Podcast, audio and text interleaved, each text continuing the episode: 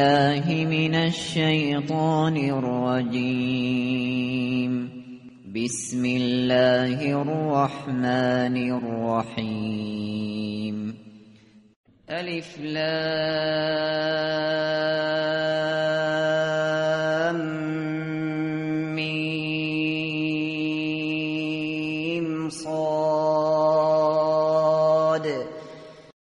نام خداوند بخشنده بخشایشگر. الف لام میم صاد.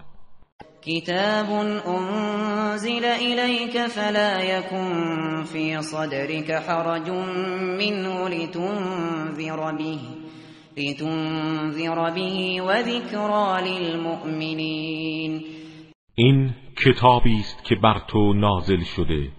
پس نباید از ناحیه آن ناراحتی در سینه داشته باشی تا به وسیله آن مردم را از عواقب سوء عقاید و اعمال نادرستشان بین دهی و تذکری است برای مؤمنان.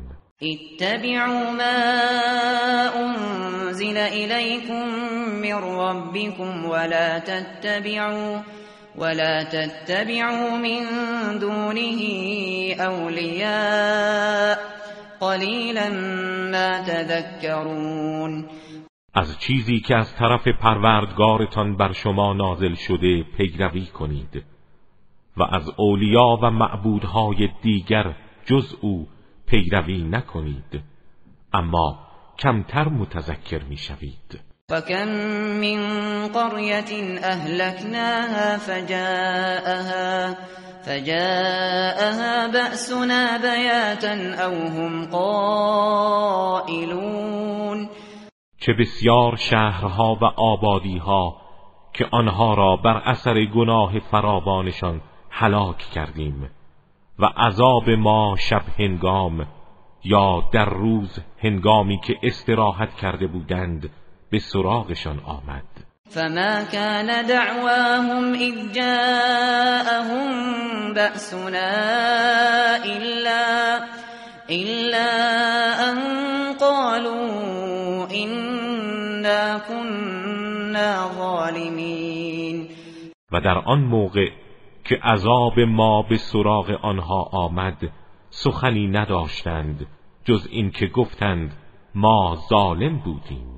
ولی این اعتراف به گناه دیگر دیر شده بود و سودی به حالشان نداشت. فلنسألن الذين أرسل إليهم ولنسألن المرسلين به یقین هم از کسانی که پیامبران به سوی آنها فرستاده شدند سؤال خواهیم کرد و هم از پیامبران سؤال می‌کنیم فلنقصن عليهم بعلم وما كنا غائبين و مسلما اعمالشان را با علم خود برای آنان شرح خواهیم داد و ما هرگز غایب نبودیم بلکه همه جا حاضر و ناظر اعمال بندگان هستیم.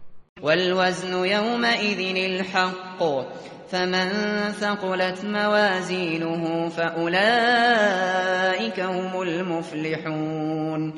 وزن کردن اعمال و سنجش ارزش آنها در آن روز حق است. کسانی که میزانهای عمل آنها سنگین است همان رستگارانند. و من خفت موازینه فأولئك فأولئك الذين خسروا أنفسهم بما كانوا بما كانوا بآياتنا يظلمون. و کسانی که میزانهای عمل آنها سبک است افرادی هستند که سرمایه وجود خود را به خاطر ظلم و ستمی که نسبت به آیات ما می کردند از دست داده اند. ولقد مكناكم في الأرض وجعلنا لكم فيها معايش قلیلا ما تشکرون ما تسلط و مالکیت و حکومت بر زمین را برای شما قرار دادیم و انواع وسایل زندگی را برای شما فراهم ساختیم. اما کمتر شکر گذاری می کنید ولقد خلقناكم ثم صورناكم ثم قلنا ثم قلنا للملائكة اسجدوا لآدم فسجدوا فسجدوا إلا إبليس لم يكن من الساجدين. ما شما را آفریدیم سپس صورت بندی کردیم بعد به فرشتگان گفتیم برای آدم خضوع کنید. آنها همه سجده کردند جز ابلیس که از سجده کنندگان نبود. قال ما منعك الا تسجد اذ امرتك قال انا خير منه خلقتني من نار وخلقته من طين. خداوند به او فرمود در آن هنگام که به تو فرمان دادم چه چیز تو را مانع شد که سجده کنی؟ گفت من از او بهترم مرا از آتش آفریده ای و او را از گل. قال فاهبط منها فما يكون لك أن تتكبر فيها فما يكون لك أن تتكبر فيها فخرج إنك من الصاغرين گفت از آن مقام و مرتبه فرود آی. تو حق نداری در آن مقام و مرتبه تکبر کنی. بیرون رو که تو از افراد پست و کوچکی. قال انظرنی الى یوم یبعثون. گفت مرا تا روزی که مردم برانگیخته می‌شوند مهلت ده و زنده بگذار. قال انك من المنظرین. فرمود تو از مهلت داده شدگانی. قال فبما اغويتني لاقعدن لهم صراطك المستقیم گفت اکنون که مرا گمراه ساختی من بر سر راه مستقیم تو در برابر آنها کمین می کنم ثم لآتینهم من بین ایدیهم ومن خلفهم وعن ایمانهم وعن أيمانهم وعن شمائلهم ولا تجد أكثرهم شاكرين. سپس از پیش رو و از پشت سر و از طرف راست و از طرف چپ آنها به سراغشان می‌روم و بیشتر آنها را شکر گذار نخواهی یافت. قال خرج منها مذعوما مدحورا. لمن تبعك منهم لأملأن جهنم منكم اجمعین فرمود از آن مقام با ننگ و آر و خاری بیرون رو و سوگند یاد می کنم که هر کس از آنها از تو پیروی کند جهنم را از شما همگی پر می کنم. ويا آدم اسكن أنت وزوجك الجنة فكلا من حيث شئتما فكلا من حيث شئتما ولا تقربا هذه الشجرة فتكونا من الظالمين و ای آدم تو و همسرت در بهشت ساکن شوید و از هر جا که خواستید بخورید اما به این درخت نزدیک نشوید که از ستمکاران خواهید بود. فوسوس لهما الشیطان لیبدی لهما ما وري عنهما من سوآتهما وقال وقال ما نهاكما ربكما عن هذه الشجرة إلا إلا أن تكونا ملكين أو تكونا من الخالدين. سپس شیطان آن دو را وسوسه کرد تا آنچه را از اندامشان پنهان بود آشکار سازد و گفت پروردگارتان شما را از این درخت نهی نکرده مگر به خاطر اینکه اگر از آن بخورید فرشته خواهید شد؟ یا جاودانه در بهشت خواهید ماند. وقاسمهما إني لكما لمن الناصحین و برای آنها سوگند یاد کرد که من برای شما از خیر خواهانم. فدلاهما بغرور. فلما ذاق الشجرة بدت لهما سوآتهما وطفقا. وطفقا يخصفان عليهما من ورق الجنة وناداهما ربهما ألم أنهكما عن تلكما الشجرة وأقل لكما وأقل لكما إن الشيطان لكما عدو مبين. و به این ترتیب آنها را با فریب از مقامشان فرود آورد و هنگامی که از آن درخت چشیدند اندامشان بر آنها آشکار شد و شروع کردند به قرار دادن برگهای درختان بهشتی بر خود تا آن را بپوشانند و پروردگارشان آنها را ندا داد که آیا شما را از آن درخت نهی نکردم و نگفتم که شیطان برای شما دشمن آشکاری است؟ قالا ربنا ظلمنا انفسنا وان لم تغفر لنا وترحمنا لنكونن لنكونن من الخاسرین گفتند پروردگارا ما به خیشتن ستم کردیم و اگر ما را نبخشی و بر ما رحم نکنی از زیانکاران خواهیم بود. قال اهبطوا بعضكم لبعض عدو ولكم في الارض مستقر ومتاع الى حين. فرمود از مقام خیش فرود آیید در حالی که بعضی از شما نسبت به بعض دیگر دشمن خواهید بود. شیطان دشمن شماست و شما دشمن او و برای شما در زمین قرارگاه و وسیله بهرهگیری تا زمان معینی خواهد بود. قال فيها تحيون وفيها تموتون ومنها تخرجون. فرمود در آن زمین زنده می‌شوید و در آن میمیرید و در رستاخیز از آن خارج خواهید شد. يا بني آدم قد أنزلنا عليكم لباسا يواري سوآتكم وريشا ولباس التقوى ذلك خير. ذلك من آيات الله لعلهم يذكرون. ای فرزندان آدم لباسی برای شما فرستادیم که اندام شما را می پوشاند و مایه زینت شماست. اما لباس پرهیزگاری بهتر است. اینها همه از آیات خداست تا متذکر نعمتهای او شوند. یا بنی آدم لا یفتننکم الشیطان کما اخرج ابویکم من الجنة ینزع عنهما ينزع عنهما لباسهما ليريهما سوآتهما. إنه يراكم هو وقبيله من حيث لا ترونهم.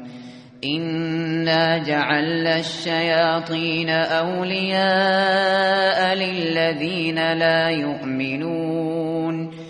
ای فرزندان آدم شیطان شما را نفریبد. آنگونه که پدر و مادر شما را از بهشت بیرون کرد و لباسشان را از تنشان بیرون ساخت تا عورتشان را به آنها نشان دهد. چه اینکه او و همکارانش شما را می‌بینند از جایی که شما آنها را نمی‌بینید. اما بدانید ما شیاطین را اولیای کسانی قرار دادیم که ایمان نمی آورند و اذا فعلوا فاحشة قالوا وجدنا عليها آباءنا والله امرنا بها قل إن الله لا يأمر بالفحشاء اتقولون علی الله ما لا تعلمون و هنگامی که کار زشتی انجام می‌دهند می‌گویند پدران خود را بر این عمل یافتیم و خداوند ما را به آن دستور داده است. بگو خداوند هرگز به کار زشت فرمان نمی‌دهد. آیا چیزی به خدا نسبت می‌دهید که نمی‌دانید؟ قل امر ربی بالقسط واقیموا وجوهكم عند كل مسجد وادعوه مخلصین له الدین كما بدأكم تعودون بگو پروردگارم امر به عدالت کرده است و توجه خیش را در هر مسجد و به هنگام عبادت به سوی او کنید و او را بخوانید در حالی که دین خود را برای او خالص گردانید و بدانید همان گونه که در آغاز شما را آفرید بار دیگر در رستاخیز باز میگردید. فریقا هدا و فریقا حق علیهم الضلاله انهم اتخذوا الشیاطین اولیاء من دون الله ويحسبون ويحسبون انهم مهتدون. جمعی را هدایت کرده و جمعی که شایستگی نداشته اند گمراهی بر آنها مسلم شده است. آنها کسانی هستند که شیاطین را به جای خداوند اولیای خود انتخاب کردند و گمان می کنند هدایت یافتند یا بنی آدم خذوا زینتكم عند كل مسجد وكلوا واشربوا ولا تسرفوا انه لا يحب المسرفین ای فرزندان آدم زینت خود را به هنگام رفتن به مسجد با خود بردارید و از نعمتهای الهی بخورید و بیاشامید ولی اصراف نکنید که خداوند مصرفان را دوست نمیدارد.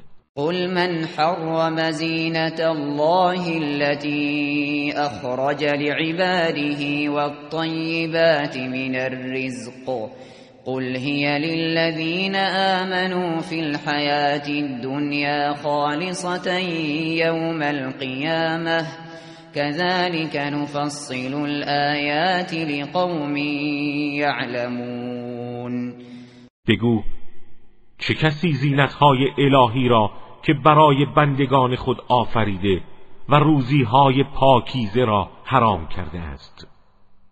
بگو اینها در زندگی دنیا برای کسانی است که ایمان آورده اند. اگرچه دیگران نیز با آنها مشارکت دارند ولی در قیامت خالص برای مؤمنان خواهد بود. این گونه آیات خود را برای کسانی که آگاهند شرح می دهیم قل إنما حرم ربي الفواحش ما ظهر منها وما بطن والإثم والبغي بغير الحق والبغي بغير الحق وأن تشركوا بالله ما لم ينزل به سلطانا وأن تقولوا وأن تقولوا على الله ما لا تعلمون. بگو خداوند تنها اعمال زشت را چه آشکار باشد چه پنهان حرام کرده است. و همچنین گناه و ستم به ناحق را و اینکه چیزی را که خداوند دلیلی برای آن نازل نکرده شریک او قرار دهید.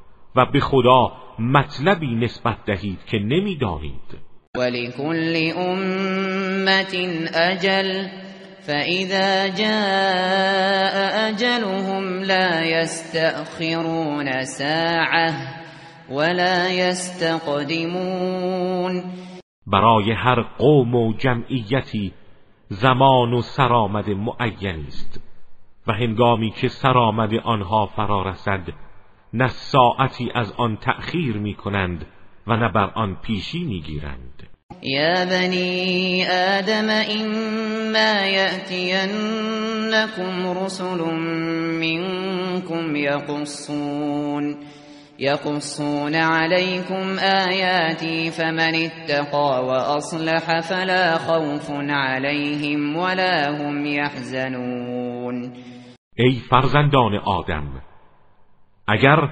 رسولانی از خود شما به سراغتان بیایند که آیات مرا برای شما بازگو کنند از آنها پیروی کنید. کسانی که پرهیزگاری پیشه کنند و عمل صالح انجام دهند و در اصلاح خیش و دیگران بکوشند نه ترسی بر آنهاست و نه غمناک می‌شوند. والذین كذبوا بآیاتنا واستكبروا عنها اولئک اولئك اصحاب النار هم فيها خالدون. و آنها که آیات ما را تکذیب کنند و در برابر آن تکبر ورزند اهل دوزخند. جاودانه در آن خواهند ماند.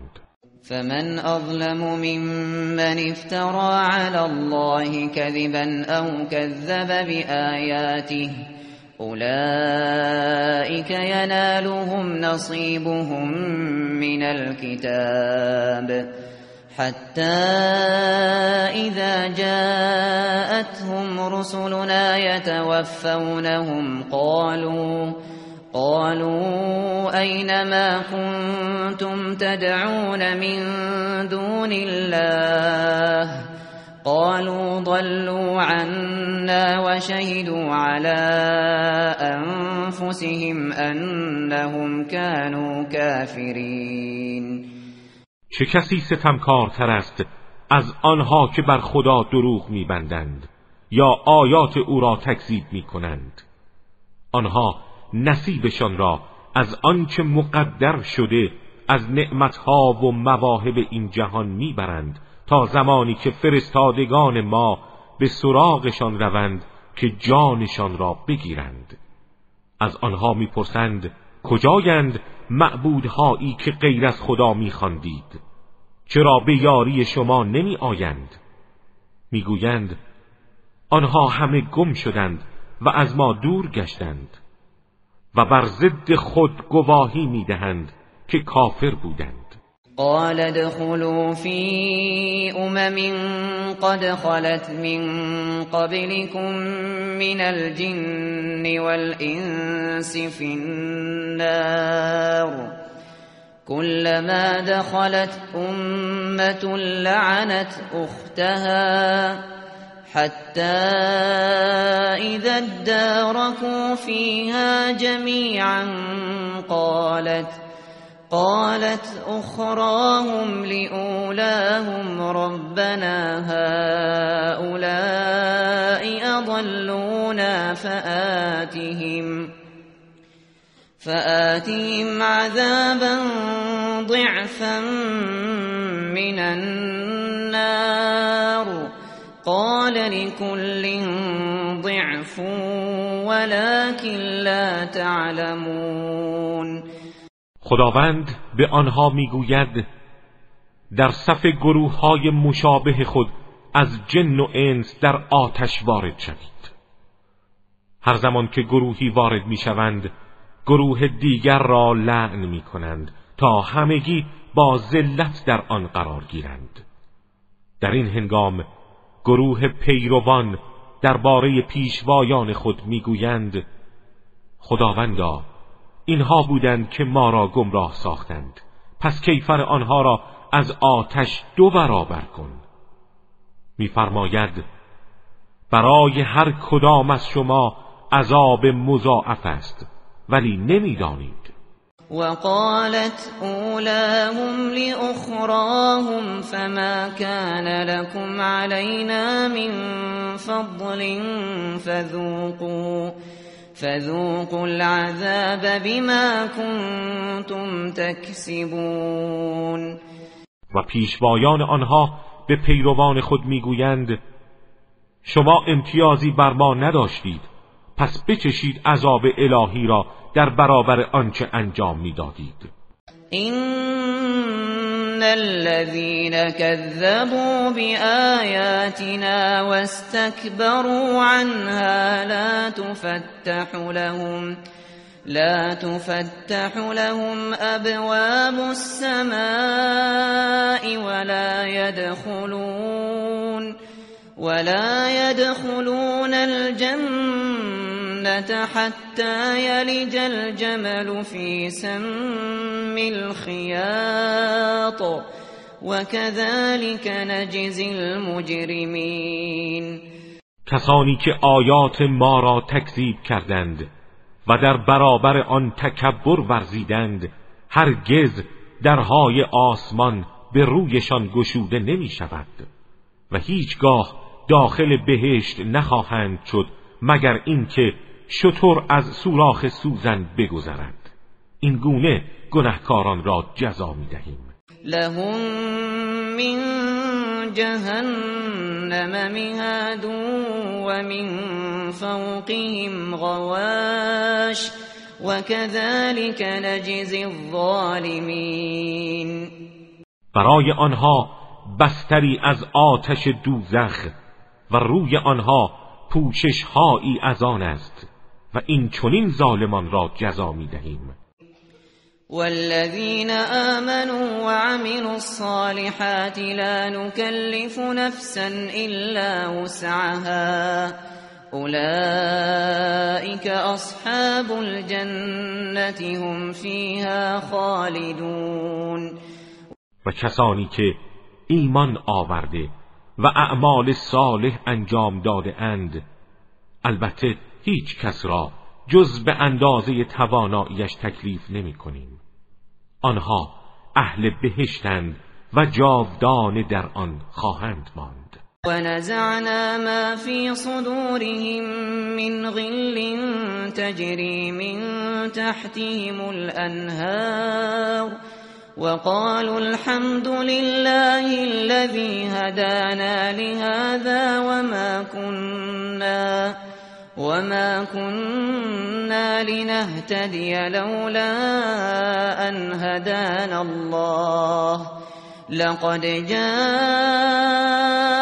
رسل ربنا بالحق ونودوا أن تلكم الجنة أورثتموها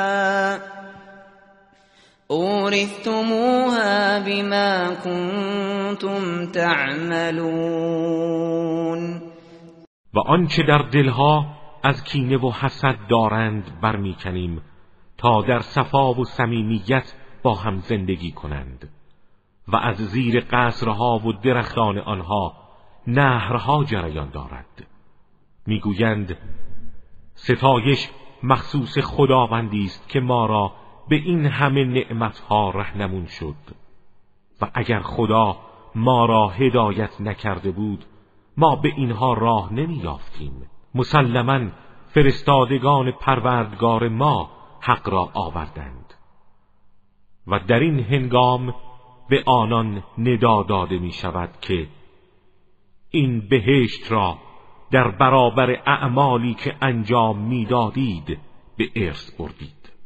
ونادى أصحاب الجنة أصحاب النار أن قد وجدنا أن قد وجدنا ما وعدنا ربنا حقا فهل وجدتم ما وعد ربكم حقا قالوا نعم فأذن مؤذن بينهم اللعنة الله على الظالمين و بهشتیان دوزخیان را صدا می‌زنند که آنچه را پروردگارمان به ما وعده داده بود همه را حق یافتیم.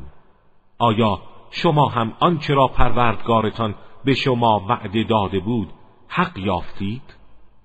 در این هنگام ندا دهنده ای در میان آنها ندا می دهد که لعنت خدا بر ستمگران باد. الذين يصدون عن سبيل الله ويبغونها عوجا ويبغونها عوجا وهم بالآخرة كافرون. همانها که مردم را از راه خدا باز می‌دارند و با القای شبهات می‌خواهند آن را کج و معوج نشان دهند و آنها به آخرت کافرند. و بینهما حجاب وعلى الأعراف رجال يعرفون كلا بسيماهم ونادوا أصحاب الجنة أن سلام عليكم لم يدخلوها وهم يطمعون. و در میان آن دو بهشتیان و دوزخیان هجابی است و بر اعراف مردانی هستند که هر یک از آن دو را از چهرهشان می‌شناسند و به بهشتیان صدا می‌زنند که درود بر شما باد. اما داخل بهشت نمی‌شوند در حالی که امید آن را دارند. و اذا صرفت ابصارهم تلقاء اصحاب النار قالوا قالوا ربنا لا تجعلنا مع قالوا ربنا لا تجعلنا مع القوم الظالمين. و هنگامی که چشمشان به دوزخیان می افتد می گویند پروردگارا ما را با گروه ستمگران قرار مده. ونادى أصحاب الأعراف رجالا يعرفونهم بسيماهم. قالوا ما أغنى عنكم جمعكم وما كنتم تستكبرون. و اصحاب اعراف مردانی از دوزخیان را که از سیمایشان آنها را می‌شناسند صدا می‌زنند و می‌گویند دیدید که گردآوری شما از مال و ثروت و زن و فرزند و تکبرهای شما به حالتان سودی نداد. أهؤلاء الذين أقسمتم لا ينالهم الله برحمة. ادخلوا الجنة لا خوف عليكم ولا أنتم تحزنون. آیا اینها این واماندگان بر اعراف همانان نیستند که سوگند یاد کردید. رحمت خدا هرگز شامل حالشان نخواهد شد. ولی خداوند به خاطر ایمان و بعضی اعمال خیرشان آنها را بخشید. همکنون به آنها گفته می شود داخل بهشت شوید که نه ترسی دارید و نه غمناک می شوید ونادى أصحاب النار أصحاب الجنة أن أفيضوا أن أفيضوا علينا من الماء أو مما رزقكم الله. قالوا إن الله حرمهما على الكافرين.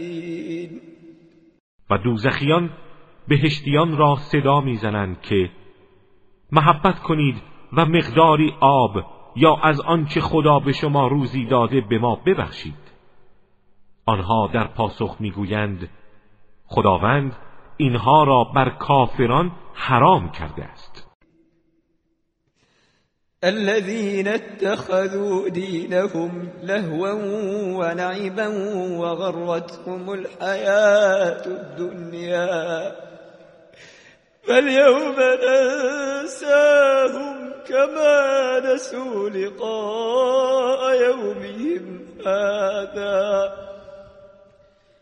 فاليوم ننساهم كما نسوا لقاء يومهم هذا وما كانوا بآياتنا يجحدون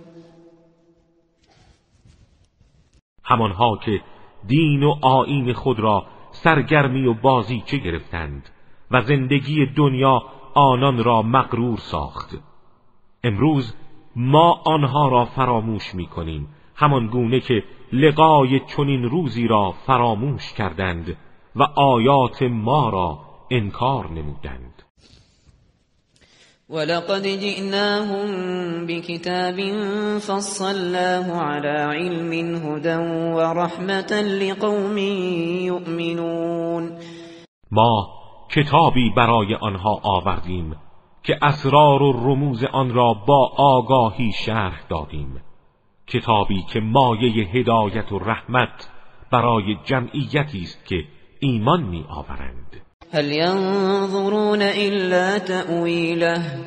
يوم يأتي تأويله يقول الذين نسوه من قبل قد جاءت قد جاءت رسل ربنا بالحق فهل لنا فهل لنا من شفعاء فيشفعوا لنا أو نرد فنعمل غير الذي كنا نعمل قد خسروا أنفسهم وضل عنهم ما كانوا يفترون آیا آنها جز انتظار تعویل آیات و فرارسیدن تهدیدهای الهی دارند؟ آن روز که تعویل آنها فرا رسد کار از کار گذشته و پشیمانی سودی ندارد. و کسانی که قبلا آن را فراموش کرده بودند می‌گویند فرستادگان پروردگار ما حق را آوردند. آیا امروز شفیعانی برای ما وجود دارند که برای ما شفاعت کنند؟ یا به ما اجازه داده شود به دنیا بازگردیم و اعمالی غیر از آنچه انجام می‌دادیم انجام دهیم؟ ولی آنها سرمایه وجود خود را از دست داده اند و معبودهایی را که به دروغ ساخته بودند همگی از نظرشان گم می شوند نه راه بازگشتی دارند و نه شفیعانی. إن ربكم الله الذي خلق السماوات والأرض في ستة أيام ثم استوى ثم استوى على العرش يغشي الليل النهار يطلبه حثيثا والشمس والقمر والشمس والقمر والنجوم مسخرات بأمره الا له الخلق والامر تبارك الله رب العالمین پروردگار شما خداوندی است که آسمان ها و زمین را در شش روز آفرید. سپس به تدبیر جهان هستی پرداخت. با پرده تاریک شب روز را می پوشاند و شب به دنبال روز به سرعت در حرکت است. و خورشید و ماه و ستارگان را آفرید که مسخر فرمان او هستند. آگاه باشید که آفرینش و تدبیر جهان از آن او و به فرمان اوست. پر برکت و زوال ناپذیر است خداوندی که پروردگار جهانیان است. ادعوا ربكم تضرعا وخفيه انه لا يحب المعتدین پروردگار خود را آشکارا از روی تزرع و در پنهانی بخوانید و از تجاوز دست بردارید که او متجاوزان را دوست نمی دارد ولا تفسدوا في الارض بعد اصلاحها ودعوه خوفا وطمعا. این رحمت الله قریب من المحسنین و در زمین پس از اصلاح آن فساد نکنید و او را با بیم و امید بخوانید. بیم از مسئولیت ها و امید به رحمتش و نیکی کنید زیرا رحمت خدا به نیکوکاران نزدیک است.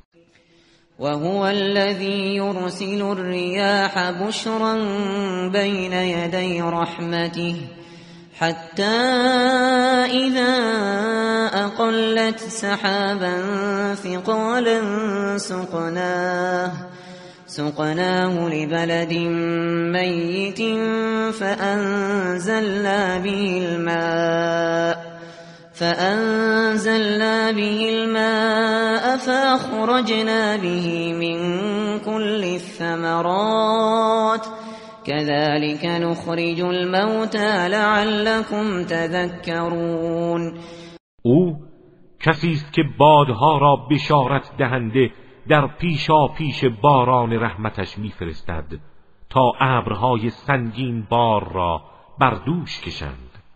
سپس ما آنها را به سوی زمینهای مرده میفرستیم و به وسیله آنها آب حیات بخش را نازل می کنیم و با آن از هر گونه میوه‌ای از خاک تیره بیرون می آوریم این گونه مردگان را نیز در قیامت زنده می کنیم شاید متذکر شوید. والبلد الطیب یخرج نباته بإذن ربه.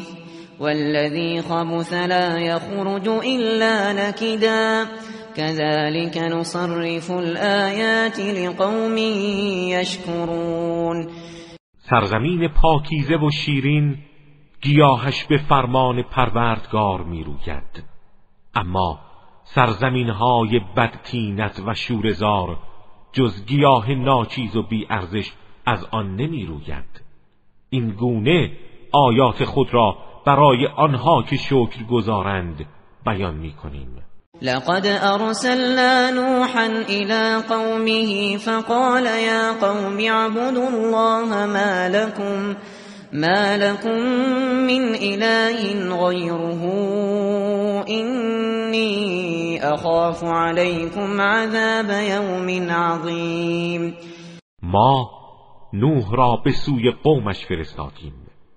او به آنان گفت ای قوم من تنها خداوند یگانه را پرستش کنید که معبودی جز او برای شما نیست.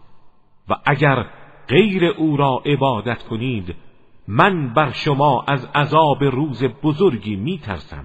قال الملأ من قومه إنا لنراك في ضلال مبین ولی اشراف قومش به او گفتند ما تو را در گمراهی آشکاری می‌بینیم. قال يا قوم ليس بي ضلالة ولكني رسول من رب العالمين گفت ای قوم من هیچ گونه گمراهی در من نیست ولی من فرستاده ای از جانب پروردگار جهانیانم. ابلغكم رسالات ربي وانصح لكم واعلم من الله ما لا تعلمون. رسالت های پروردگارم را به شما ابلاغ می کنم و خیرخواه شما هستم و از خداوند چیزهایی می‌دانم که شما نمی‌دانید. او عجبتم ان جاءكم ذكر من ربكم على رجل منكم لينذركم لينذركم ولتتقوا ولعلكم ترحمون. آیا تعجب کرده اید که دستور آگاه کننده پروردگارتان به وسیله مردی از میان شما به شما برسد تا از عواقب اعمال خلاف بیمتان دهد و در پرتو این دستور پرهیزگاری پیشه کنید و شاید مشمول رحمت الهی گردید. فكذبوه فأنجيناه والذين معه في الفلك وأغرقنا الذين كذبوا بآياتنا إنهم كانوا قوما عمين. اما سرانجام او را تکذیب کردند و ما او و کسانی را که با وی در کشتی بودند رهایی بخشیدیم و کسانی که آیات ما را تکذیب کردند غرق کردیم چه اینکه آنها گروهی نابینا و کوردل بودند. و الى عاد اخاهم هودا قال يا قوم اعبدوا الله ما لكم من اله غيره افلا تتقون. و به سوی قوم عاد برادرشان هود را فرستادیم. گفت ای قوم من تنها خدا را پرستش کنید که جز او معبودی برای شما نیست آیا پرهیزگاری پیشه نمی کنید؟ قال الملأ الذين كفروا من قومه إنا لنراك في سفاهة وإنا, وإنا لنظنك من الكاذبين اشراف کافر قوم او گفتند ما تو را در صفاحت و نادانی و سبک مغزی می‌بینیم و ما مسلما تو را از دروغ گویان می‌دانیم. قال یا قوم لیس بی سفاهت ولكنی رسول من رب العالمین گفت ای قوم من هیچ گونه صفاحتی در من نیست ولی فرستاده ای از طرف پروردگار جهانیانم. ابلغكم رسالات ربی و انا لكم ناصح امین رسالت های پروردگارم را به شما ابلاغ می کنم و من خیرخواه امینی برای شما هستم. او عجبتم ان جاءكم ذكر من ربكم على رجل منكم لينذركم واذكروا إذ جعلكم خلفاء من بعد قوم نوح وزادكم في الخلق بسطة فاذكروا آلاء الله لعلكم تفلحون. آیا تعجب کرده اید که دستور آگاه کننده پروردگارتان به وسیله مردی از میان شما به شما برسد تا از مجازات الهی بیمتان دهد؟ و به یاد آورید هنگامی که شما را جانشینان قوم نوح قرار داد و شما را از جهت خلقت جسمانی گسترش و قدرت داد. پس نعمتهای خدا را به یاد آورید. شاید رستگار شوید. قالوا أجئتنا لنعبد الله وحده ونذر ما كان يعبد آباؤنا فأتنا بما تعدنا إن كنت من الصادقين. گفتند آیا به سراغ ما آمده ای که تنها خدای یگانه را بپرستیم و آنچه را پدران ما می پرستیدند رها کنیم؟ پس اگر راست می‌گویی آنچه را از بلا و عذاب الهی به ما وعده می‌دهی بیاور. قال قد وقع عليكم من ربكم رجس وغضب أتجادلونني في أسماء سميتموها؟ سميتموها أنتم وآباؤكم ما نزل الله. سميتموها أنتم وآباؤكم ما نزل الله بها من سلطان. فانتظروا إني معكم من المنتظرين. گفت پلیدی و غضب پروردگارتان شما را فرا گرفته است. آیا با من در مورد نامهایی مجادله می کنید که شما و پدرانتان به عنوان معبود و خدا بر بتها گذارده اید؟ در حالی که خداوند هیچ دلیلی درباره آن نازل نکرده است؟ پس شما منتظر باشید من هم با شما انتظار می کشم. فأنجيناه والذين معه برحمة منا وقطعنا دابر الذين كذبوا بآياتنا وما كانوا مؤمنين. سرانجام او و کسانی را که با او بودند به رحمت خود نجات بخشیدیم و ریشه کسانی که آیات ما را تکذیب کردند و ایمان نیاوردند قطع کردیم و إلى ثمود أخاهم صالحا. قال يا قوم اعبدوا الله ما لكم من إله غيره. قد جاءتكم بينة من ربكم. هذه ناقة الله لكم آية. فذروها تأكل في أرض الله ولا تمسوها. ولا تمسوها بسوء فيأخذكم عذاب أليم. و به سوی قوم سمود برادرشان صالح را فرستادیم.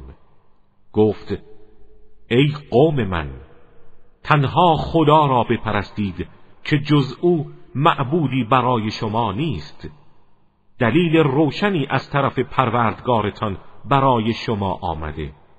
این ناقه الهی برای شما معجزه است او را به حال خود واگذارید که در زمین خدا از علفهای بیابان بخورد و آن را آزار نرسانید که عذاب دردناکی شما را خواهد گرفت.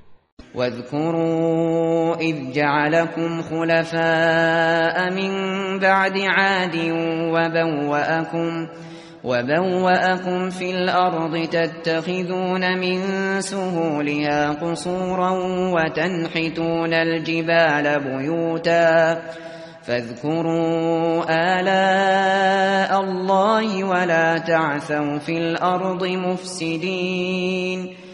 و به خاطر بیاورید که شما را جانشینان قوم عاد قرار داد و در زمین مستقر ساخت که در دشتهایش قصرها برای خود بنا می کنید و در کوه ها برای خود خانه ها می تراشید بنابراین نعمتهای خدا را متذکر شوید و در زمین به فساد نکوشید.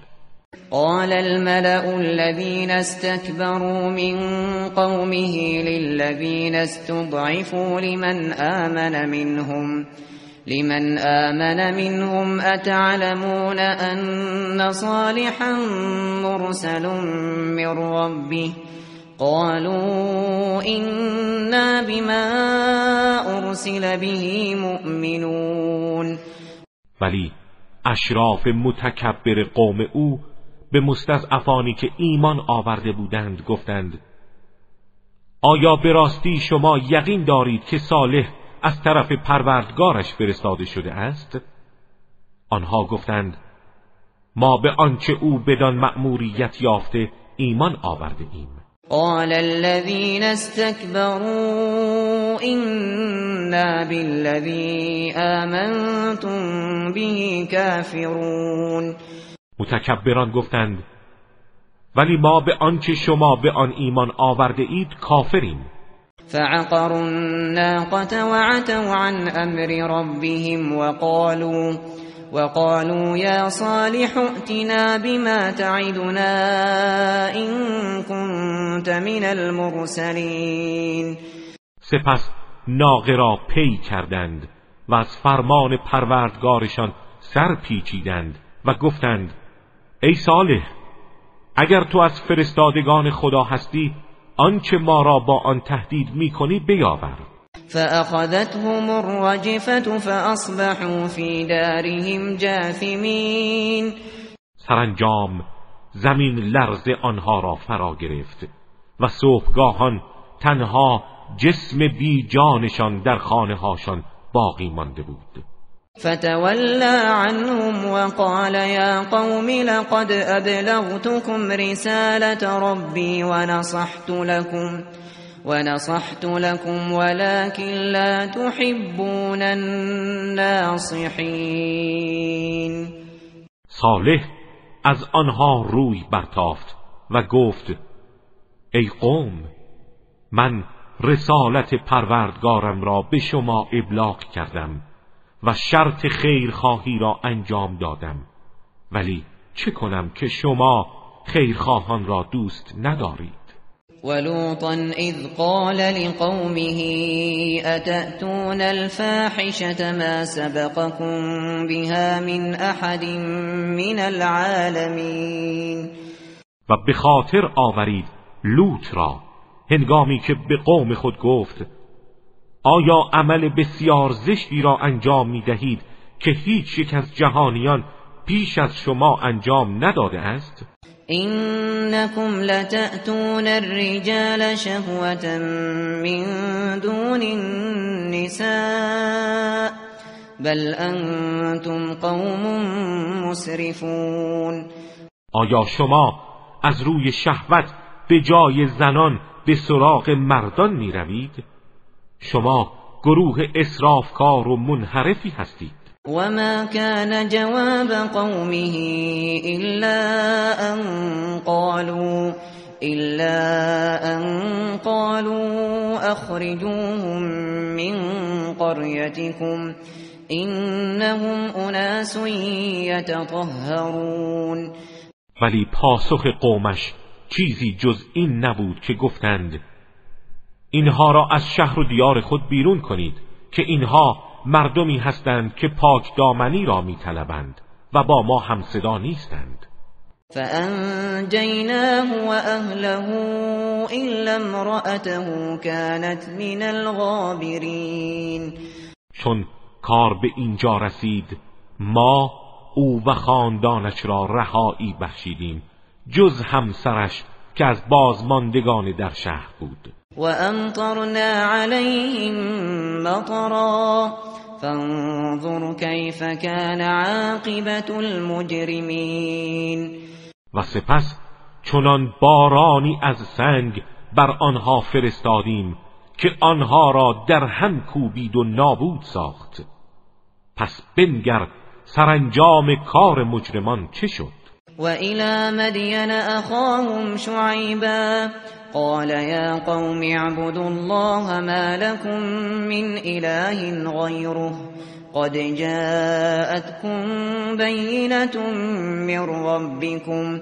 فأوفوا الكيل والميزان ولا تبخسوا الناس أشياءهم ولا تفسدوا ولا تفسدوا في الأرض بعد إصلاحها.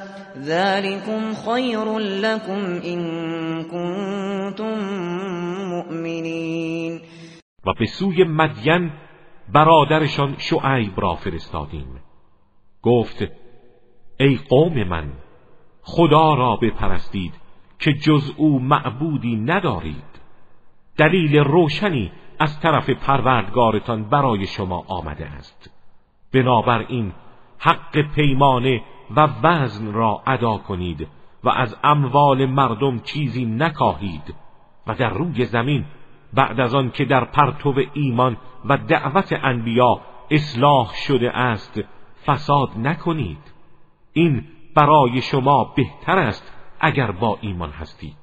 ولا تقعدوا بكل صراط توعدون وتصدون عن سبيل الله من آمن من آمن به وتبغونها عوجا واذكروا إذ كنتم قليلا فكثركم وانظروا كيف كان عاقبة المفسدين. و بر سر هر راه ننشینید که مردم با ایمان را تهدید کنید و مؤمنان را از راه خدا باز دارید و با القای شبهات آن را کج و معوج نشان دهید و به خاطر بیاورید زمانی را که اندک بودید و او شما را فزونی داد و بنگرید سرانجام مفسدان چگونه بود؟ و این کان طائفة منكم آمنوا آمنوا بالذي أرسلت به وطائفة لم يؤمنوا فاصبروا فاصبروا حتى يحكم الله بيننا وهو خیر الحاکمین و گروهی از شما به آنچه من به آن فرستاده شده ام ایمان آورده اند و گروهی ایمان نیاورده اند صبر کنید تا خداوند میان ما داوری کند که او بهترین داوران است. قال الملأ الذين استكبروا من قومه لنخرجنك يا شعيب والذين آمنوا معك والذين آمنوا معك من قريتنا أو لتعودن في ملتنا قال اولو كنا كارهين. اشراف زورمند و متکبر از قوم او گفتند ای شعیب به یقین تو و کسانی را که به تو ایمان آورده اند از شهر و دیار خود بیرون خواهیم کرد. مگر اینکه به آین ما بازگردید. گفت آیا می‌خواهید ما را بازگردانید اگرچه مایل نباشیم؟ قد افترينا على الله كذبا إن عدنا في ملتكم بعد إذ نجانا الله منها.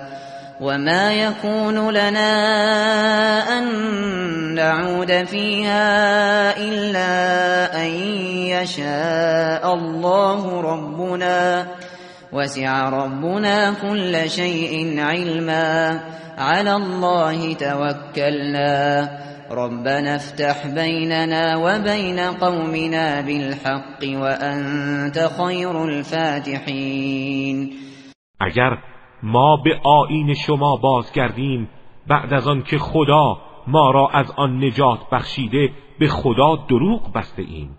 و شایسته نیست که ما به آن بازگردیم مگر اینکه خدایی که پروردگار ماست بخواهد. علم پروردگار ما به همه چیز احاطه دارد. تنها بر خدا توکل کرده ایم.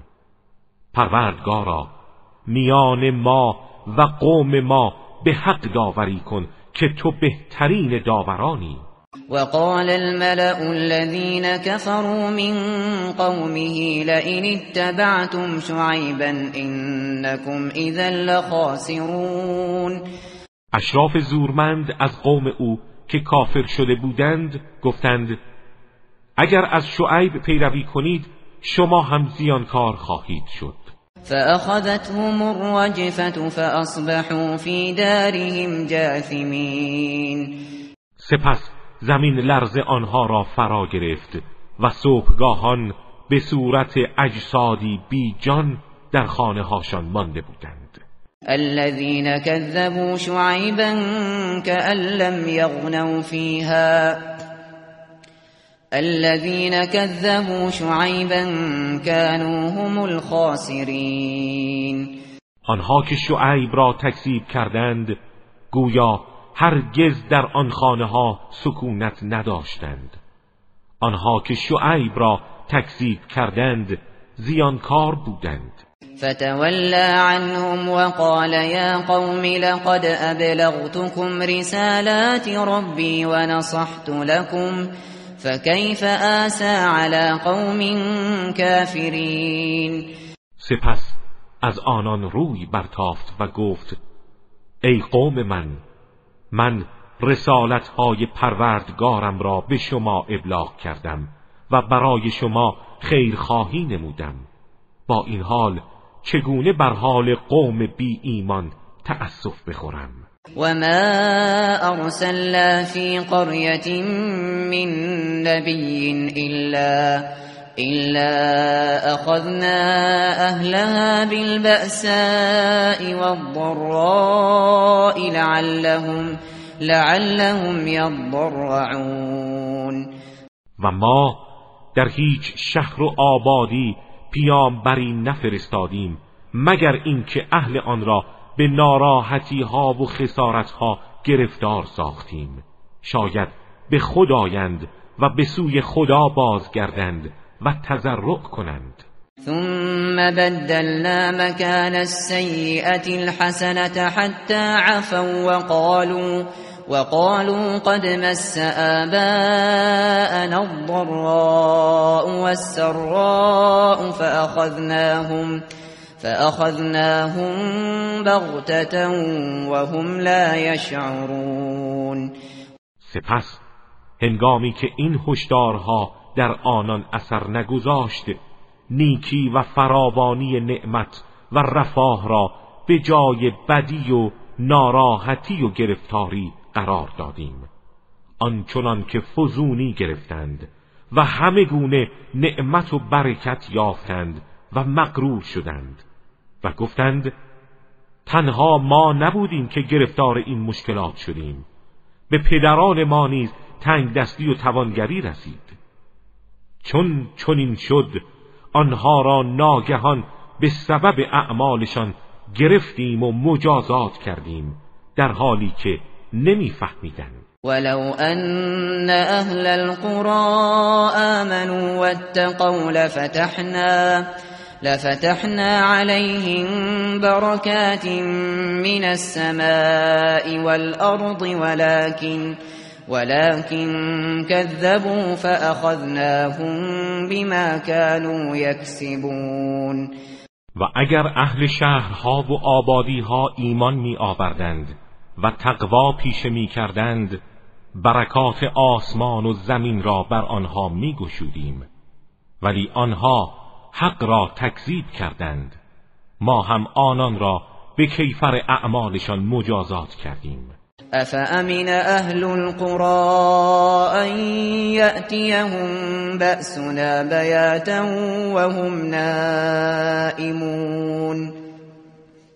آیا اهل این آبادی ها از این ایمنند که عذاب ما شبانه به سراغ آنها بیاید در حالی که در خواب باشند؟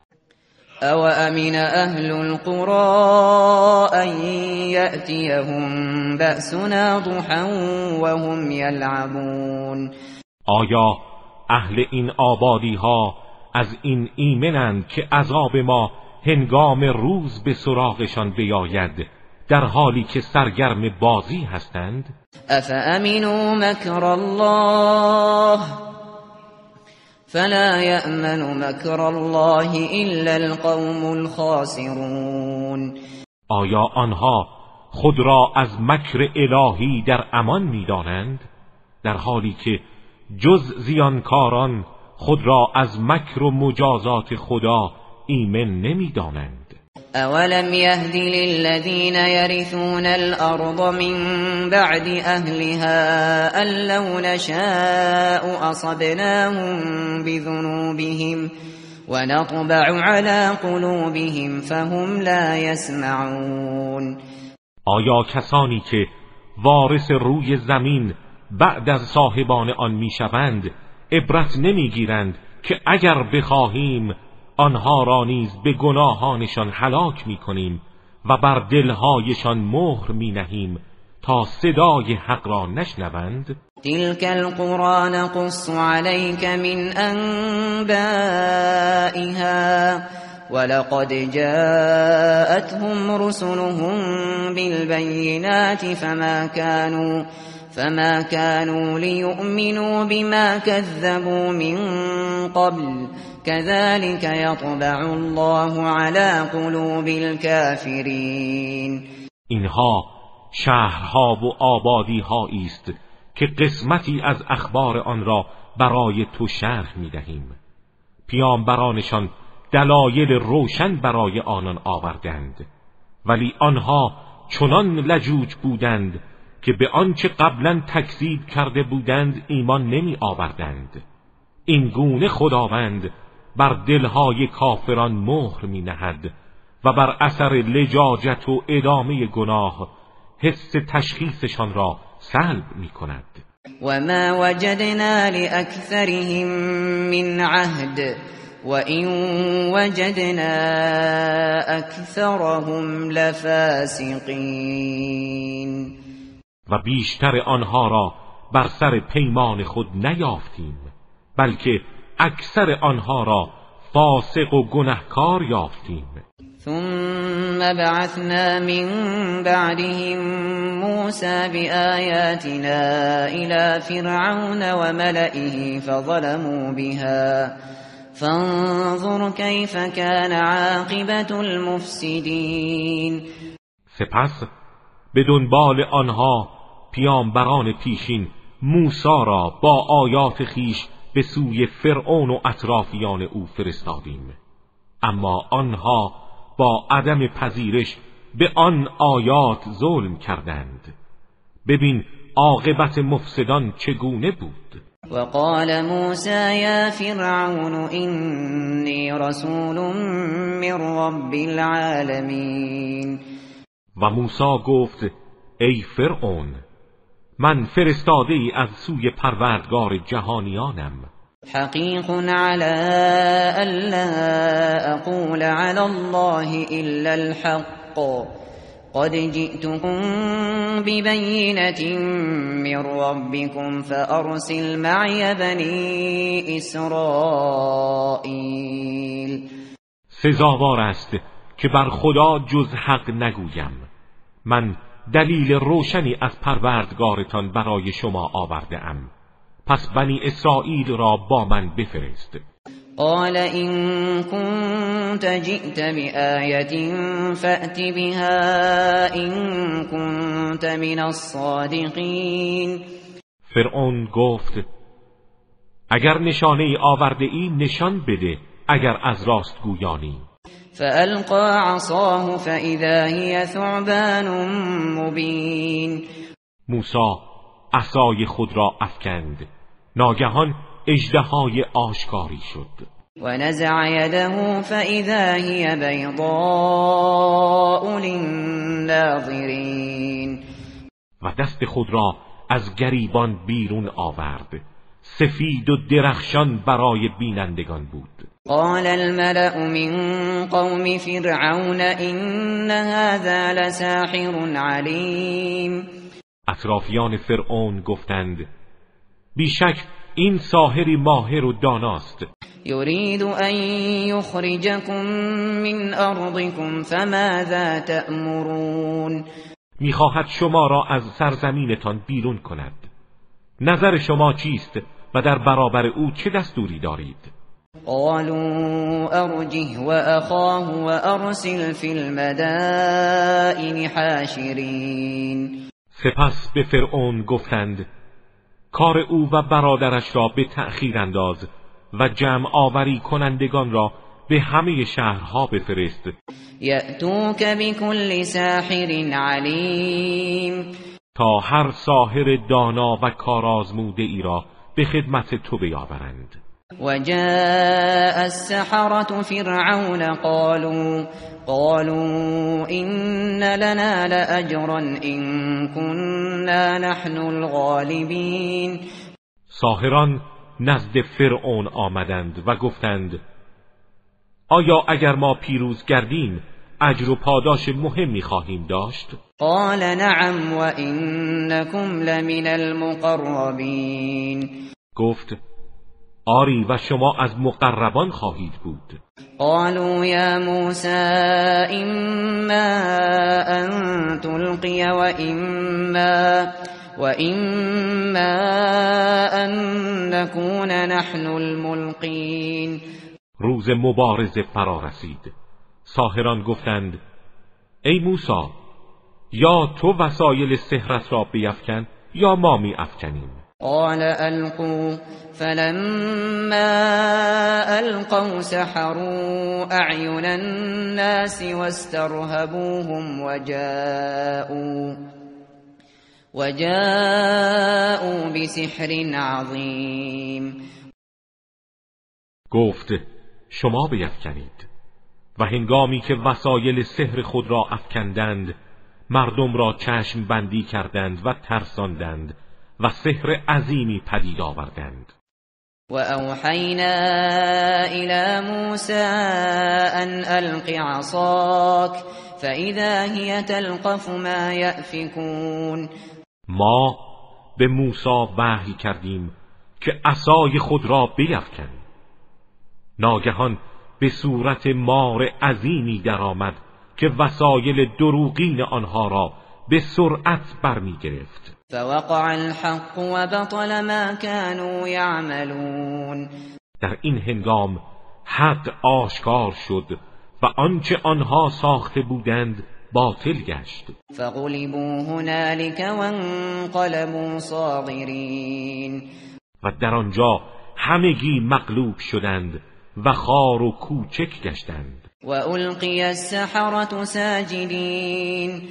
و ساهران بی اختیار به سجد افتادند. قالوا آمنا برب العالمین. و گفتند ما به پروردگار جهانیان ایمان آوردیم. رب موسی و هارون.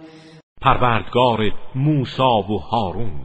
قال فرعون آمنتم به قبل أن آذن لكم. إن هذا لمكر مكرتموه في المدينة لتخرجوا, لتخرجوا منها أهلها فسوف تعلمون. فرعون گفت آیا پیش از آن که به شما اجازه دهم به او ایمان آوردید؟ حتما این نیرنگ و توطعه است که در این شهر و دیار چیده اید تا اهلش را از آن بیرون کنید. ولی به زودی خواهید دانست. لأقطعن ایدیکم و ارجلکم من خلاف ثم لأصلبنکم ثم لأصلبنکم اجمعین سوگند می‌خورم که دستها و پاهای شما را به طور مخالف قطع می کنم سپس همگی را به دار می آویزم قالوا إنا الى ربنا منقلبون. ساهران گفتند مهم نیست ما به سوی پروردگارمان باز میگردیم. و ما تنقم منا الا ان آمنا بآیات ربنا لما لما جاءتنا. ربنا افرغ علينا صبرا وتوفنا مسلمين. انتقام تو از ما تنها به خاطر این است که ما به آیات پروردگار خیش هنگامی که به سراغ ما آمد ایمان آوردیم. بارلاها صبر و استقامت بر ما فروریز و ما را مسلمان بمیران. وقال الملأ من قوم فرعون أتذر موسى وقومه ليفسدوا في الأرض ويذرك وآلهتك؟ قال سنقتل أبناءهم ونستحيي نساءهم وإنا فوقهم قاهرون. و اشراف قوم فرعون به أو گفتند آیا موسا و قومش را رها می کنی که در زمین فساد کنند و تو و خدایانت را رها سازد؟ گفت به زودی پسرانشان را می‌کشیم و دخترانشان را زنده نگه میداریم تا به ما خدمت کنند و ما بر آنها کاملا مسلطیم قال موسى لقومه استعینوا بالله واصبروا إن الأرض لله يورثها من يشاء من عباده والعاقبة للمتقين موسی به قوم خود گفت از خدا یاری جویید و استقامت پیشه کنید که زمین از آن خداست و آن را به هر کس از بندگانش که بخواهد واگذار می کند و سرانجام نیک برای پرهیزگاران است.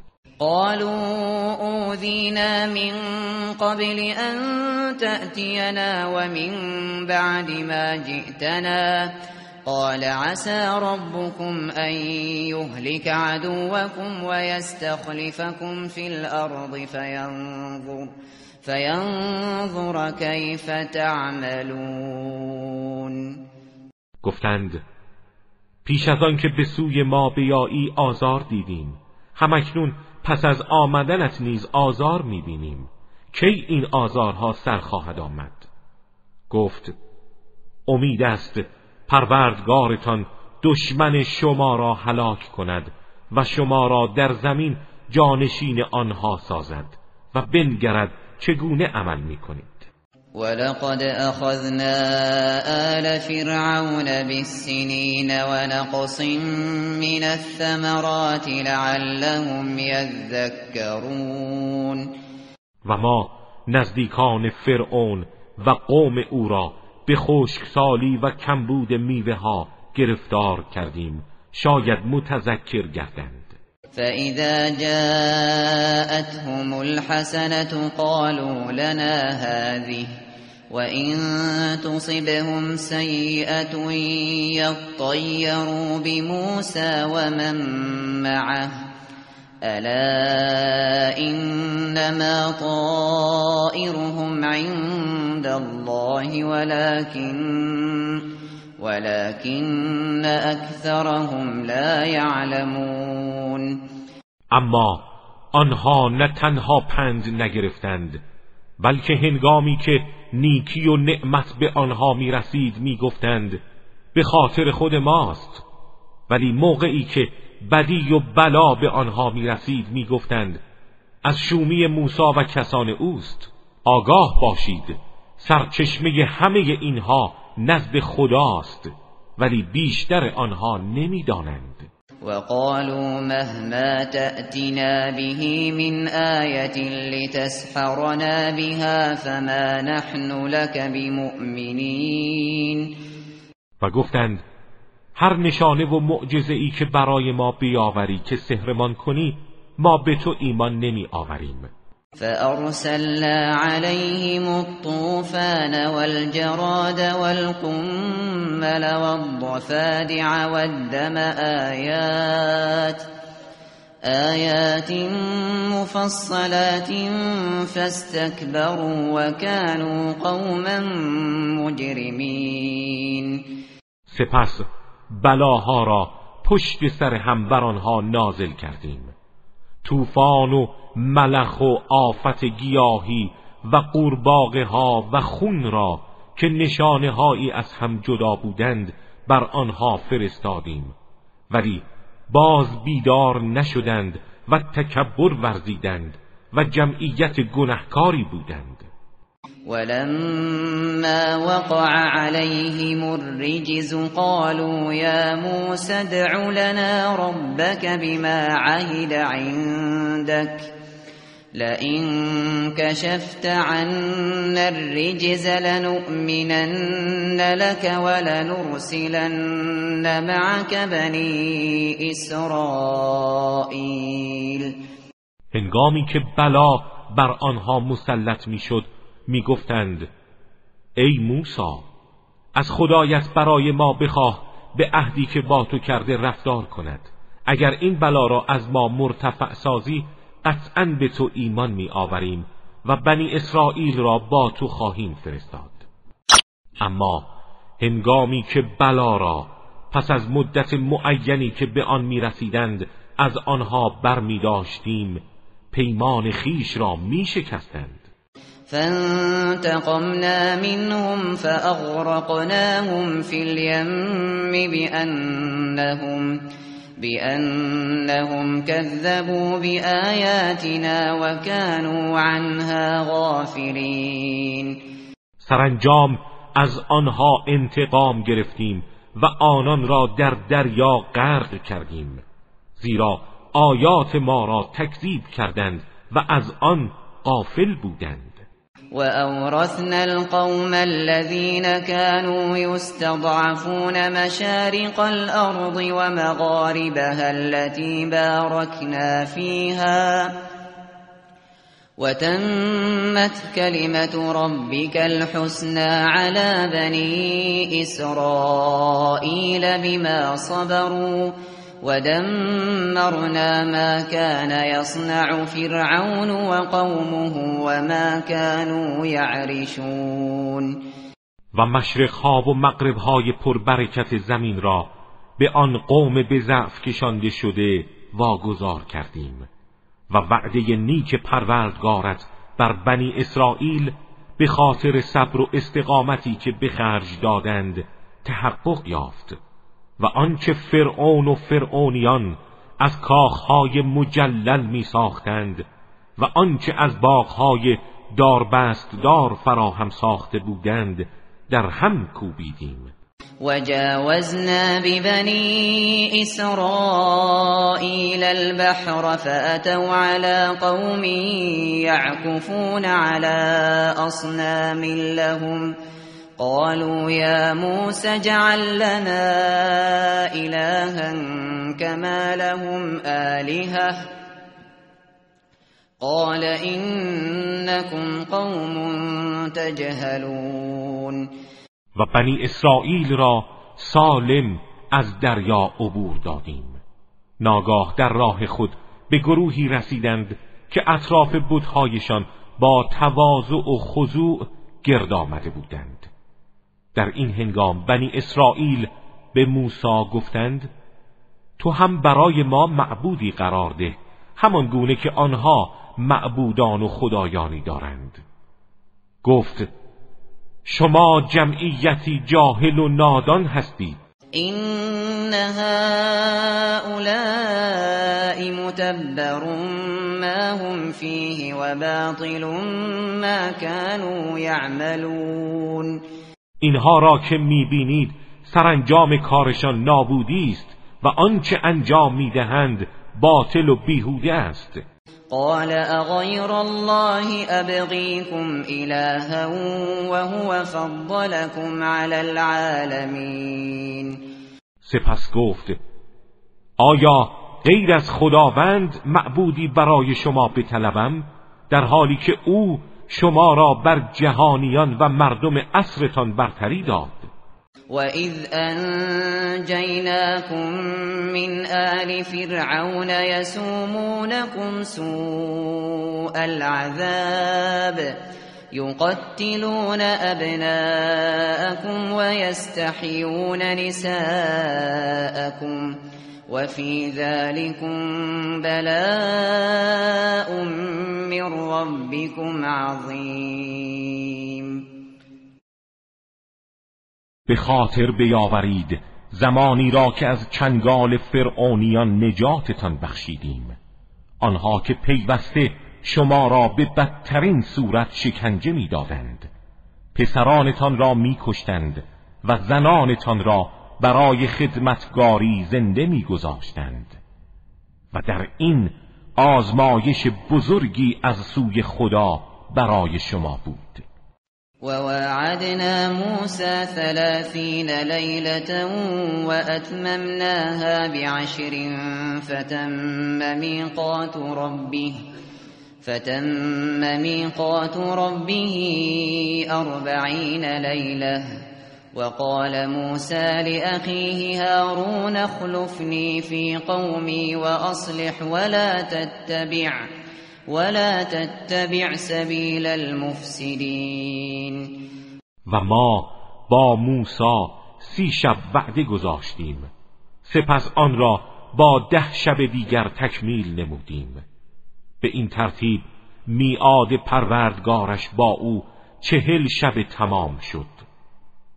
و موسی به برادرش هارون گفت جانشین من در میان قومم باشه و آنها را اصلاح کن و از روش مفسدان پیروی منما. ولما جاء موسى لميقاتنا وكلمه ربه قال رب أرني أنظر إليك قال لن تراني ولكن انظر إلى الجبل فإن استقر مكانه فسوف تراني.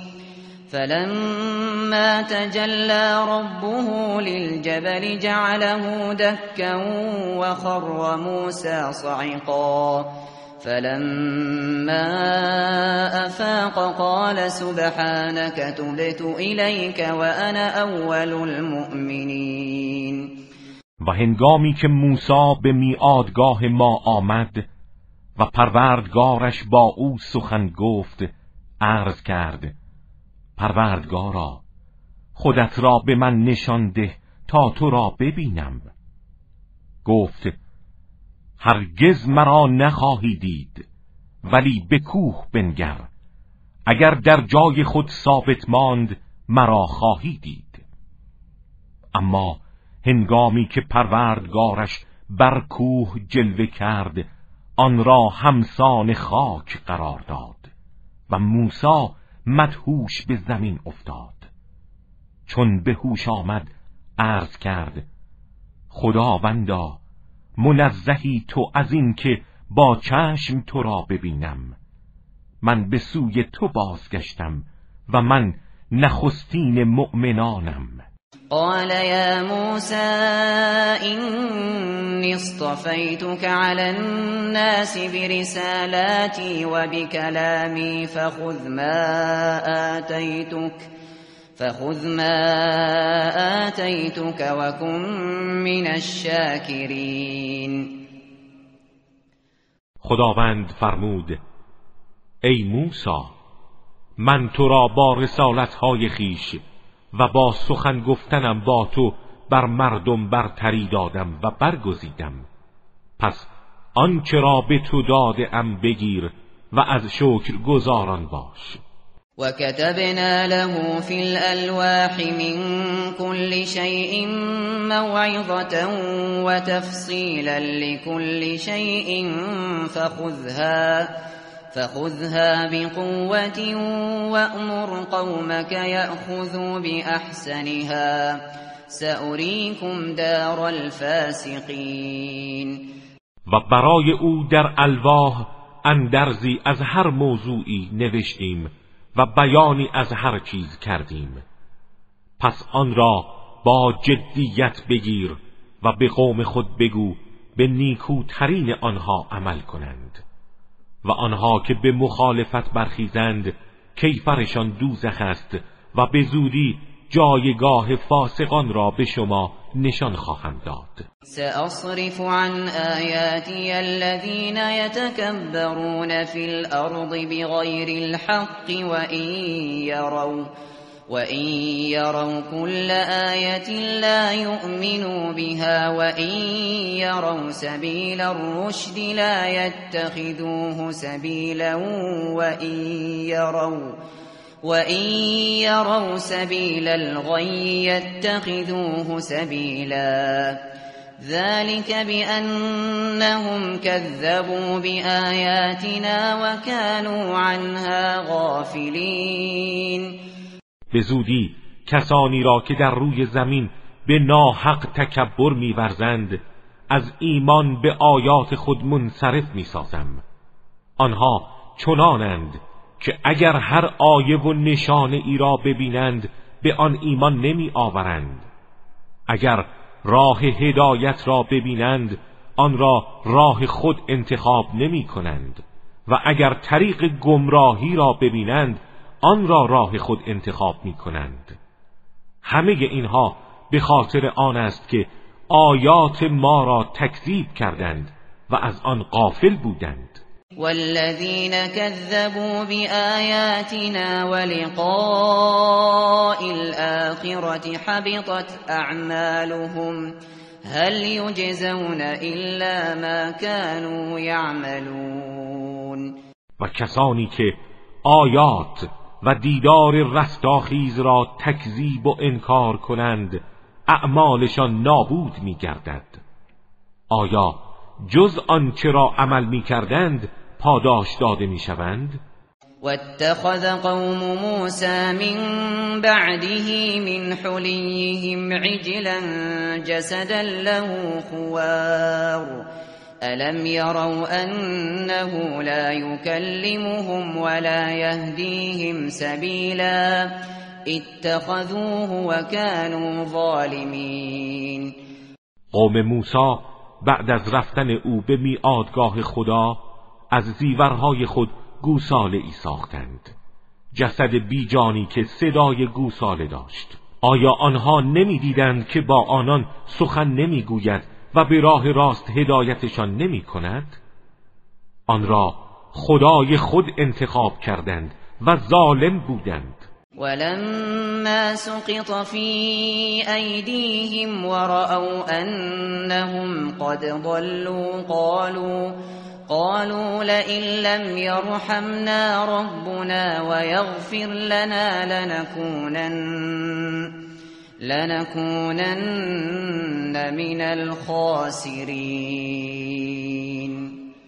و هنگامی که حقیقت به دستشان افتاد و دیدند گمراه شده اند گفتند اگر پروردگارمان به ما رحم نکند و ما را نیامرزد به طور قطع از زیانکاران خواهیم بود. ولما رجع موسى إلى قومه غضبان أسفا قال بئس ما خلفتموني من بعدي. أعجلتم أمر ربكم وألقى الألواح وأخذ برأس أخيه يجره إليه. قال ابن أم إن القوم استضعفوني وكادوا يقتلونني فلا تشمت فلا تشمت بي الأعداء ولا تجعلني مع القوم الظالمين. و هنگامی که موسی خشمگین و اندوهناک به سوی قوم خود بازگشت گفت پس از من بد جانشینانی برایم بودید و آین مرا ضایع کردید. آیا در مورد فرمان پروردگارتان و تمدید مدت میعاد او عجله نمودید و زود قضاوت کردید؟ سپس الواح را افکند و سر برادر خود را گرفت و با عصبانیت به سوی خود کشید. او گفت فرزند مادرم. این گروه مرا در فشار گذاردند و ناتوان کردند و نزدیک بود مرا بکشند. پس کاری نکن که دشمنان مرا شماتت کنند و مرا با گروه ستمکاران قرار مده. قال رب اغفر لي ولأخي وأدخلنا في رحمتك وأنت أرحم الراحمين. موسی گفت پروردگارا من و برادرم را بیامرز و ما را در رحمت خود داخل فرما و تو مهربان ترین مهربانانی. إن الذين اتخذوا العجل سينالهم غضب من ربهم وذلة في الحياة الدنيا وكذلك نجزي المفترين کسانی که گوساله را معبود خود قرار دادند به زودی خشم پروردگارشان و ذلت در زندگی دنیا به آنها می‌رسد و این چنین کسانی را که بر خدا افترا بندند کیفر می‌دهیم. والذین عملوا السیئات ثم تابوا من بعدها وآمنوا إن ربك من بعدها إن ربك من بعدها لغفور رحیم و آنها که گناه کردند و بعد از آن توبه نمودند و ایمان آوردند امید عفو او را دارند. زیرا پروردگار تو در پی این کار آمرزنده و مهربان است. ولما سكت عن موسى الغضب أخذ الألواح وفي نسختها هدى ورحمة للذين هم لربهم يرهبون هنگامی که خشم موسی فرو نشست الواح را برگرفت و در نوشته های آن هدایت و رحمت برای کسانی بود که از پروردگار خیش میترسند و از مخالفت فرمانش بین دارند. واختار موسى قومه سبعين رجلا لميقاتنا فلما أخذتهم الرجفة قال رب لو شئت أهلكتهم من قبل وإياي أتهلكنا بما فعل السفهاء منا إن هي إلا فتنتك تضل بها من تشاء وتهدي وتهدي من تشاء أنت ولينا فاغفر لنا وارحمنا وأنت خير الغافرين موسی از قوم خود هفتاد تن از مردان را برای میادگاه ما برگزید و هنگامی که زمین لرز آنها را فرا گرفت و هلاک شدند گفت پروردگارا اگر می‌خواستی می‌توانستی آنها و مرا پیش از این نیز هلاک کنی. آیا ما را به آنچه سفیهانمان انجام داده اند مجازات و هلاک می‌کنی؟ این جز آزمایش تو چیز دیگر نیست که هر کس را بخواهی و مستحق بدانی به وسیله آن گمراه می‌سازی و هر کس را بخواهی و شایسته ببینی هدایت می‌کنی. تو ولی مایی پس ما را بیامرز و بر ما رحم کن و تو بهترین آمرزندگانی. واكتب لنا في هذه الدنيا حسنة وفي الآخرة إنا, إنا هدنا إليك قال عذابي أصيب به من أشاء ورحمتي وسعت كل شيء فسأكتبها للذين يتقون ويؤتون الزكاة والذين هم بآياتنا والذين هم بآياتنا يؤمنون. و برای ما در این دنیا و سرای دیگر نیکی مقرر فرما چه اینکه ما به سوی تو بازگشت کرده ایم. خداوند در برابر این تقاضا به موسی گفت مجازاتم را به هر کس بخواهم میرسانم و رحمتم همه چیز را فرا گرفته و آن را برای آنها که تقوا پیشه کنند و زکات را بپردازند و آنها که به آیات ما ایمان می آورند مقرر خواهم داشت. الذين يتبعون الرسول النبي الأمي الذي يجدونه مكتوبا عندهم في التوراة والإنجيل يأمرهم يأمرهم بالمعروف وينهاهم عن المنكر ويحل لهم الطيبات ويحل لهم الطيبات ويحرم عليهم الخبائث ويضع عنهم إصرهم ويضع عنهم إصرهم والأغلال التي كانت عليهم فالذين آمنوا به وعزروه ونصروه واتبعوا النور واتبعوا النور الذي أنزل معه أولئك أولئك هم المفلحون. همانها که از فرستاده خدا پیامبر امی پیروی می کنند پیامبری که صفاتش را در تورات و انجیلی که نزدشان است مییابند. آنها را به معروف دستور می‌دهد و از منکر باز میدارد اشیاء پاکیزه را برای آنها حلال میشمرد و ناپاکی ها را تحریم می کند و بارهای سنگین و زنجیرهایی را که بر آنها بود از دوش و گردنشان بر می دارد. پس کسانی که به او ایمان آوردند و حمایت و یاریش کردند و از نوری که با او نازل شده پیروی نمودند آنان رستگارانند. قل یا ایها الناس اینی رسول الله الیکم جمیعا الذی الذي له ملك السماوات والأرض. لا اله الا هو يحيي ويميت.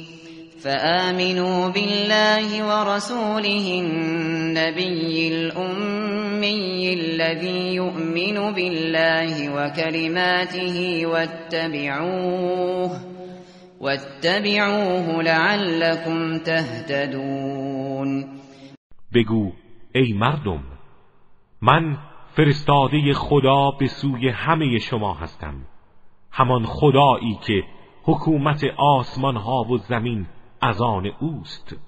معبودی جز او نیست. زنده می کند و می میراند. پس ایمان بیاورید به خدا و فرستاده اش. آن پیامبر درس نخانده ای که به خدا و کلماتش ایمان دارد. و از او پیروی کنید تا هدایت یابید. ومن قوم موسى أمة يهدون بالحق وبه يعدلون.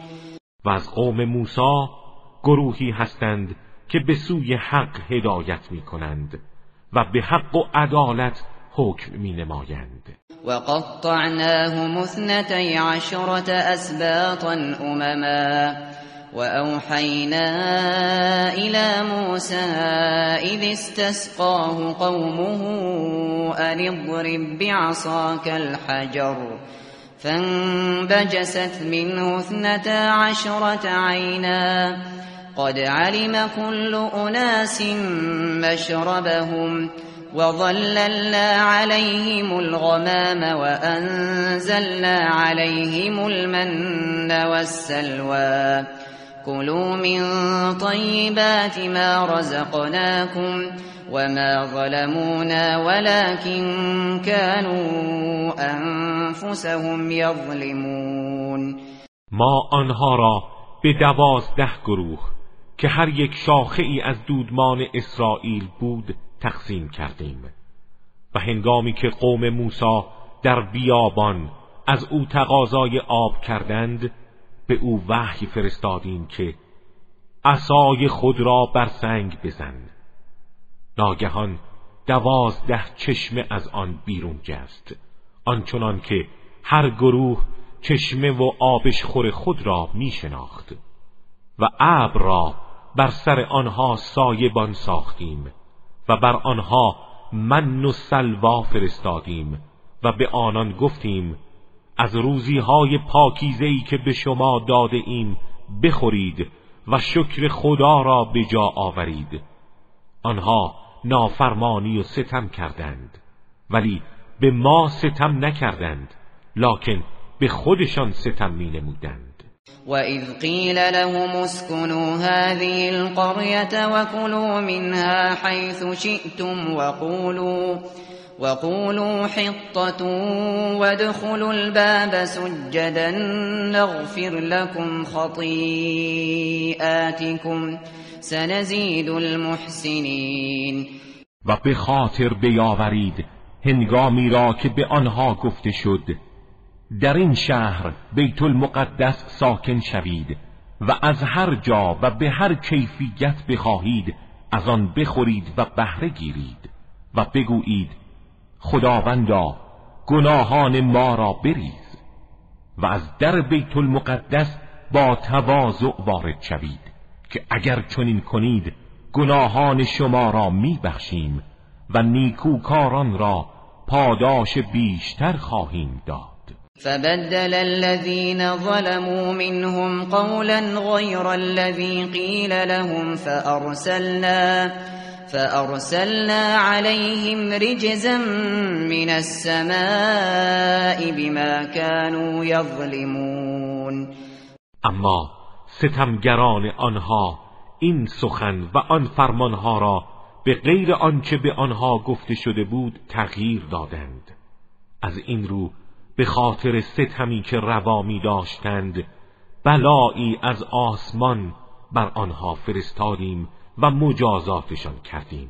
واسألهم عن القرية التي كانت حاضرة البحر إذ يعدون في السبت إذ تأتيهم إذ تأتيهم حيتانهم يوم سبتهم شرعا ويوم لا يسبتون لا تأتيهم كذلك نبلوهم بما كانوا يفسقون. و از آنها درباره سرگذشت شهری که در ساحل دریا بود بپرس.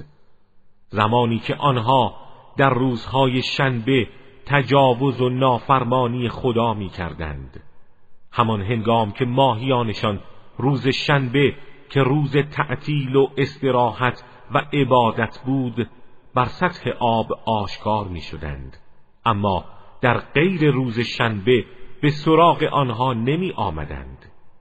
این چونین آنها را به چیزی آزمایش کردیم که نافرمانی می کردند. وَإِذْ قَالَتْ أُمَّةٌ مِّنْهُمْ لِمَ تَعِظُونَ قَوْمًا اللَّهُ مُهْلِكُهُمْ أَوْ مُعَذِّبُهُمْ عَذَابًا شَدِيدًا. قالوا معذرة إلى ربكم ولعلهم يتقون. و به یادار هنگامی را که گروهی از آنها به گروه دیگر گفتند چرا جمعی گنهکار را اندرز می دهید که سرانجام خداوند آنها را هلاک خواهد کرد یا به عذاب شدیدی گرفتار خواهد ساخت؟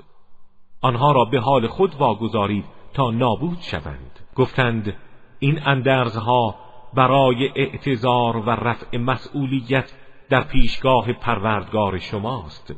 به علاوه شاید آنها بپذیرند و از گناه باز ایستند و تقوا پیشه کنند. فلما نسوا ما ذكروا به انجينا الذين ينهون عن السوء واخذنا واخذنا الذين ظلموا بعذاب بئيس بما كانوا يفسقون اما هنگامی که تذکراتی را که به آنها داده شده بود فراموش کردند لحظه عذاب فرا رسید و نهی کنندگان از بدی را رهایی بخشیدیم و کسانی را که ستم کردند به خاطر نافرمانیشان به عذاب شدیدی گرفتار ساختیم. فلما عتوا عما نهوا عنه قلا لهم كونوا قردة خاسئین آری هنگامی که در برابر آنچه از آن نهی شده بودند سرکشی کردند به آنها گفتیم به شکل میمونهایی ترد شده درآیید. وَإِذْ تَأَذَّنَ رَبُّكَ لَيَبْعَثَنَّ عَلَيْهِمْ إِلَى يَوْمِ الْقِيَامَةِ مَن يَسُومُهُمْ سُوءَ الْعَذَابِ إِنَّ رَبَّكَ لَسَرِيعُ الْعِقَابِ وَإِنَّهُ لَغَفُورٌ رَّحِيمٌ و نیز به خاطر بیاور هنگامی را که پروردگارت اعلام کرد تا دامنه قیامت کسی را بر آنها مسلط خواهد ساخت که همواره آنها را در عذاب سختی قرار دهد. زیرا پروردگارت مجازاتش سریع و در عین حال نسبت به توبه کاران آمرزنده و مهربان است. وقطعناهم في الارض امما منهم الصالحون ومنهم دون ذلك. وبلوناهم بالحسنات والسيئات لعلهم يرجعون. و آنها را در زمین به صورت گروههایی پراکنده ساختیم. گروهی از آنها صالح و گروهی ناصالحند و آنها را با نیکی ها و بدی ها آزمودیم. شاید بازگردند. فخلف من بعدهم خلف ورثوا الكتاب يأخذون عرض هذا الأدنى ويقولون ويقولون سيغفر لنا وإن يأتهم عرض مثله يأخذوه ألم يؤخذ عليهم ميثاق الكتاب ألا يقولوا على الله إلا الحق ودرسوا ما فيه والدار الآخرة خير للذين يتقون افلا تعقلون پس از آنها فرزندانی جای آنها را گرفتند که وارث کتاب آسمانی تورات شدند. اما با این حال متاع این دنیای پست را گرفته بر اطاعت فرمان خدا ترجیح می‌دهند و می‌گویند اگر ما گنهکاریم توبه می‌کنیم و به زودی بخشیده خواهیم شد. اما اگر متاع دیگری همانند آن به دستشان بیفتد آن را نیز می‌گیرند و باز حکم خدا را پشت سر می افکنند آیا پیمان کتاب خدا از آنها گرفته نشده که بر خدا دروغ نبندند و جز حق نگویند و آنان بارها آن را خانده اند و سرای آخرت برای پرهیزگاران بهتر است آیا نمی‌فهمید؟ والذين يمسكون بالكتاب وأقاموا الصلاة إنا لا نضيع أجر المصلحين. و آنها که به کتاب خدا تمسک جویند و نماز را برپا دارند پاداش بزرگی خواهند داشت. زیرا ما پاداش مسلحان را ضایع نخواهیم کرد. و اذ نتقنا الجبل فوقهم كأنه ظلة وظنوا وظنوا أنه واقع بهم خذوا ما آتيناكم بقوة واذكروا واذكروا ما فيه لعلكم تتقون. و نیز به خاطر بیاور را همچون سایبانی بر فراز آنها بلند کردیم. آنچنان که گمان کردند بر آنان فرود می آید و در همین حال از آنها پیمان گرفتیم و گفتیم آنچه را از احکام و دستورها به شما داده ایم با قوت و جدیت بگیرید و آنچه در آن است به یاد داشته باشید و عمل کنید تا پرهیزگار شوید. و اذ اخذ ربك من بنی آدم من ظهورهم ذریتهم و اشهدهم وأشهدهم على أنفسهم ألست بربكم قالوا بلى شهدنا أن تقولوا يوم القيامة إنا كنا عن هذا غافلين و به خاطر بیاور زمانی را که پروردگارت از پشت و صلب فرزندان آدم ذریه آنها را برگرفت و آنها را گواه برخیشتن ساخت و فرمود آیا من پروردگار شما نیستم؟ گفتند چرا؟ گواهی می دهیم چون این کرد مبادا روز رستاخیز بگویید ما از این قافل بودیم و از پیمان فطری توحید بی خبر ماندیم. او تقولوا انما اشرك آباؤنا من قبل وكنا ذرية من بعدهم افتهلكنا بما فعل المبطلون. یا بگویید پدران ما پیش از این مشرک بودند و ما فرزندانی پس از ایشان بودیم. آیا ما را به خاطر آنچه باطلندیشان انجام داده اند هلاک می‌کنی؟ و كذلك نفصل الآیات ولعلهم یرجعون. این گونه آیات را توضیح می دهیم و شاید به سوی حق بازگردند و بدانند ندای توحید در درون جانشان از روز نخست بوده است. واتل عليهم نبأ الذي آتيناه آياتنا فانسلخ منها فانسلخ منها فأتبعه الشيطان فكان من الغاوين. و بر آنها بخوان سرگذشت آن کس را که آیات خود را به او دادیم ولی سرانجام خود را از آن توهی ساخت و شیطان در پی او افتاد. و از گمراهان شد. ولو شئنا لرفعناه بها ولكنه أخلد إلى الأرض واتبع هواه. فمثله كمثل الكلب إن تحمل عليه يلهث أو تتركه يلهث. ذلك مثل القوم الذين كذبوا بآياتنا. فقصص القصص لعلهم يتفكرون. و اگر می‌خواستیم مقام او را با این آیات و علوم و دانشها بالا می بردیم اما اجبار بر خلاف سنت ماست.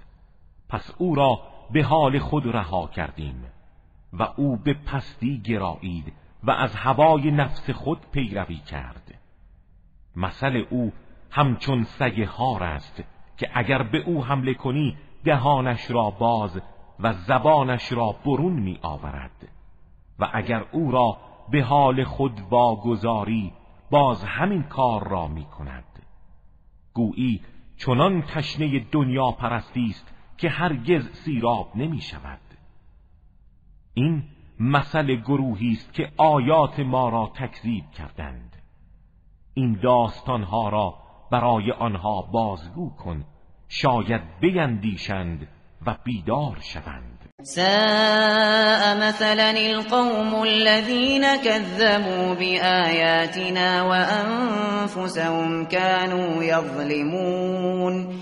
چه بد مثلی دارند گروهی که آیات ما را تکذیب کردند و تنها به خودشان ستم می نمودند من يهد الله فهو المهتدی ومن يضلل فأولئك هم الخاسرون.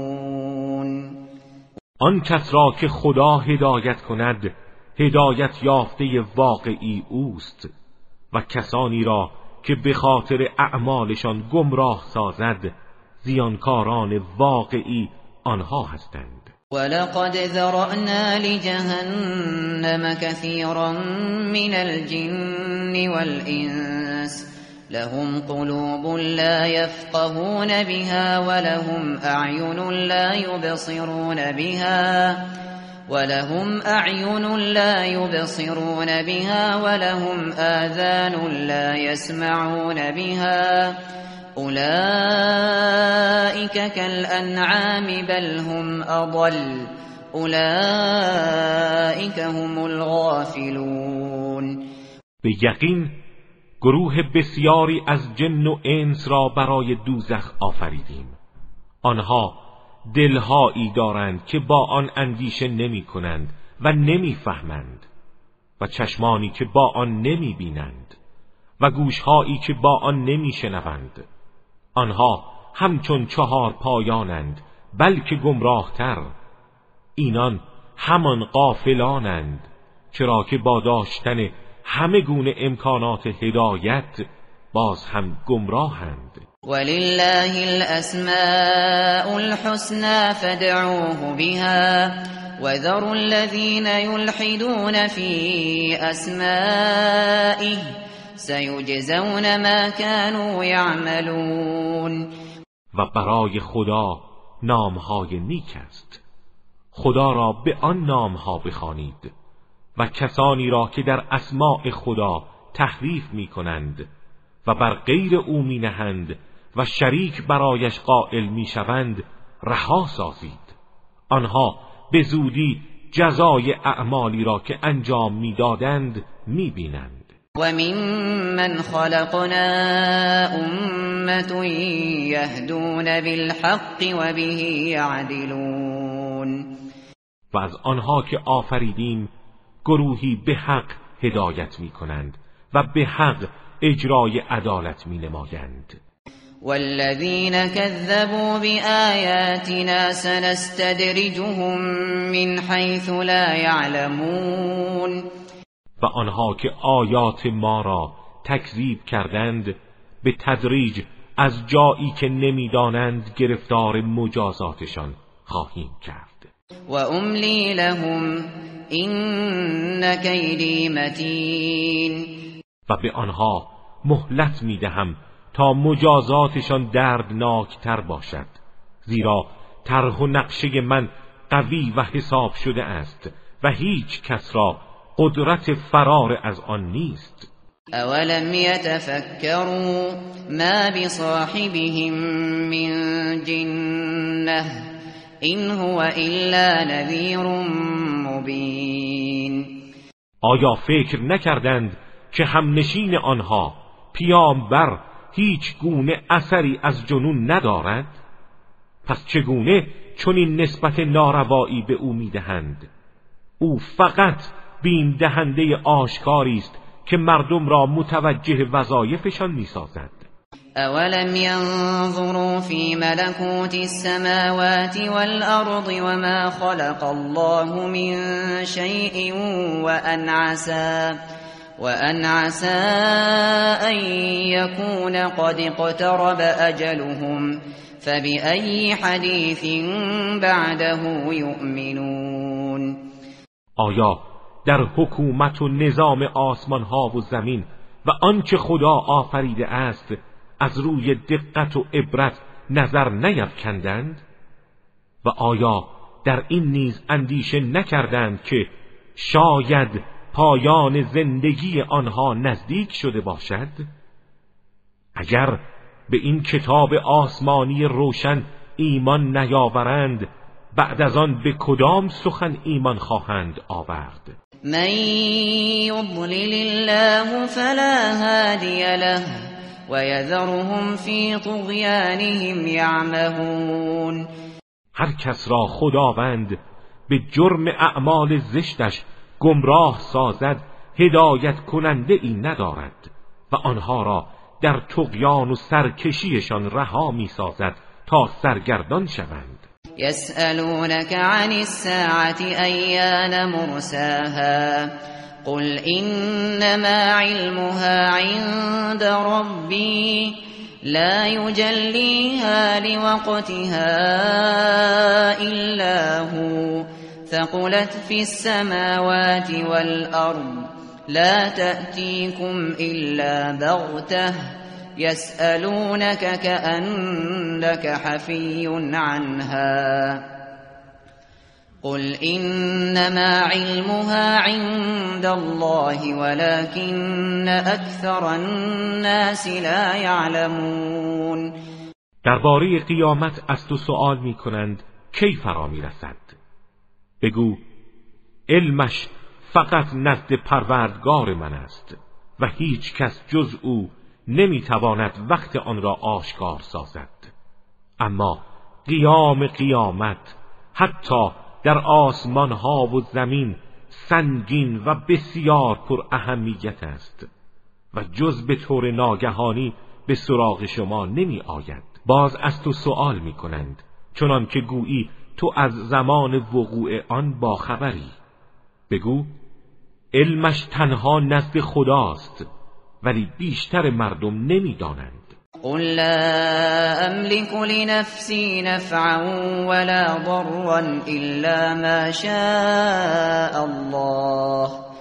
ولو كنت أعلم الغيب لاستكثرت من الخير وما مسني السوء. إن أنا إلا نذير وبشير لقوم يؤمنون. بگو من مالک سود و زیان خیش نیستم مگر آنچه را خدا بخواهد. و از غیب و اسرار نهان نیز خبر ندارم مگر آنچه خداوند اراده کند. و اگر از غیب با خبر بودم سود فراوانی برای خود فراهم می کردم. و هیچ بدی و زیانی به من نمی رسید. من فقط بین دهنده و بشارت دهنده ام. برای گروهی که ایمان می آورند و آماده پذیرش حقند.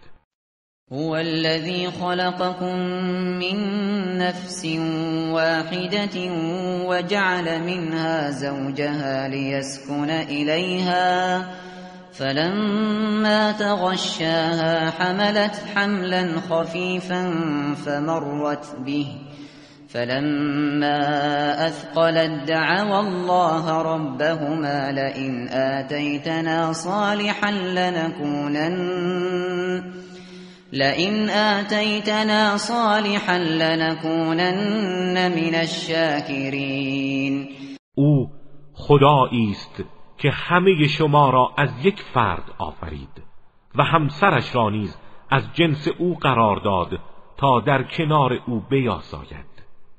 سپس هنگامی که با او آمیزش کرد حملی سبک برداشت که با وجود آن به کارهای خود ادامه می‌داد. و چون سنگین شد هر دو از خداوند و پروردگار خود خواستند اگر فرزند صالحی به ما دهی از شاکران خواهیم بود. فلما آتاهما صالحا جعل له شركاء فيما آتاهما فتعالى الله عما يشركون. اما هنگامی که خداوند فرزند صالحی به آنها داد موجودات دیگر را در این موهبت مؤثر دانستند و برای خدا در این نعمت که به آنها بخشیده بود همتایانی قابل شدند. خداوند برتر است از آنچه همتای او قرار می‌دهند. ایشرکون ما لا یخلق شیئا وهم یخلقون. آیا موجوداتی را همتای او قرار می‌دهند که چیزی را نمی آفرینند و خودشان مخلوقند؟ ولا يستطيعون لهم نصرا ولا أنفسهم ينصرون. و نمی توانند آنان را یاری کنند و نه خودشان را یاری میدهند؟ و این تدعوهم إلى الهدى لا يتبعوكم سواء عليكم ادعوتموهم ام أنتم صامتون. و هرگاه آنها را به سوی هدایت دعوت کنید. از شما پیروی نمی کنند و برای شما یکسان است چه آنها را دعوت کنید و چه خاموش باشید. این الذين تدعون من دون الله عباد امثالكم فدعوهم فليستجيبوا لكم ان كنتم صادقين. آنها را که غیر از خدا می‌خوانید و پرستش می‌کنید بندگانی همچون خود شما هستند.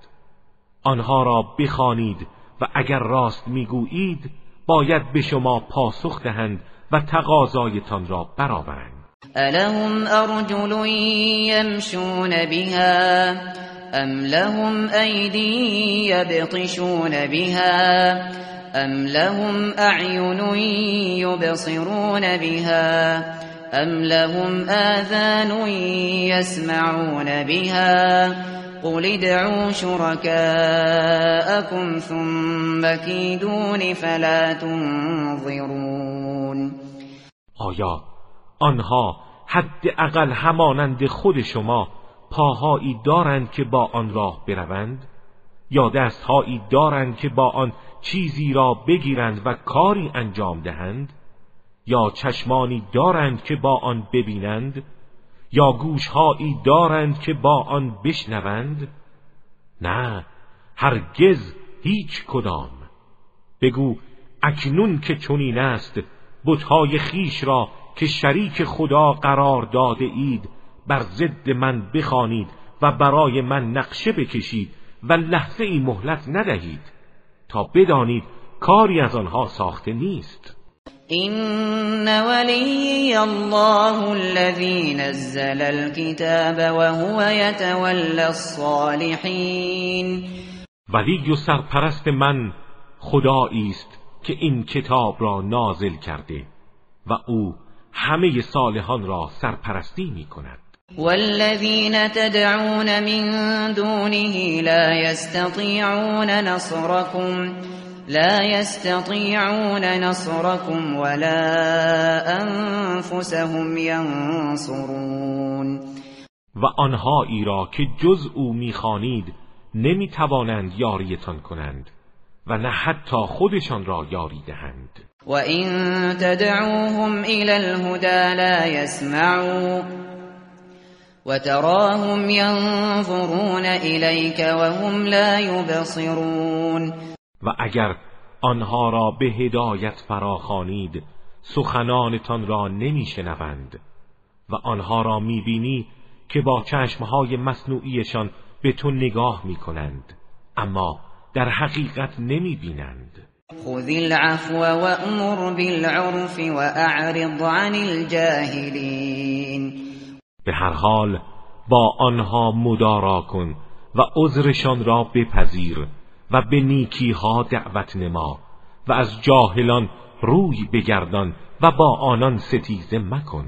و اما ینزغنك من الشیطان نزغ فاستعذ بالله انه سمیع علیم. و هرگاه وسوسه ای از شیطان به تو رسد به خدا پناه بر که او شنونده و داناست. ان الذين اتقوا اذا مسهم طائف من الشيطان تذكروا تذكروا فاذا هم مبصرون. پرهیزگاران هنگامی که گرفتار وسوسه های شیطان شوند به یاد خدا و پاداش و کیفر او می افتند و در پرتو یاد او راه حق را می بینند و ناگهان بینا می گردند و اخوانهم یمدونهم فی الغی ثم لا یقصرون.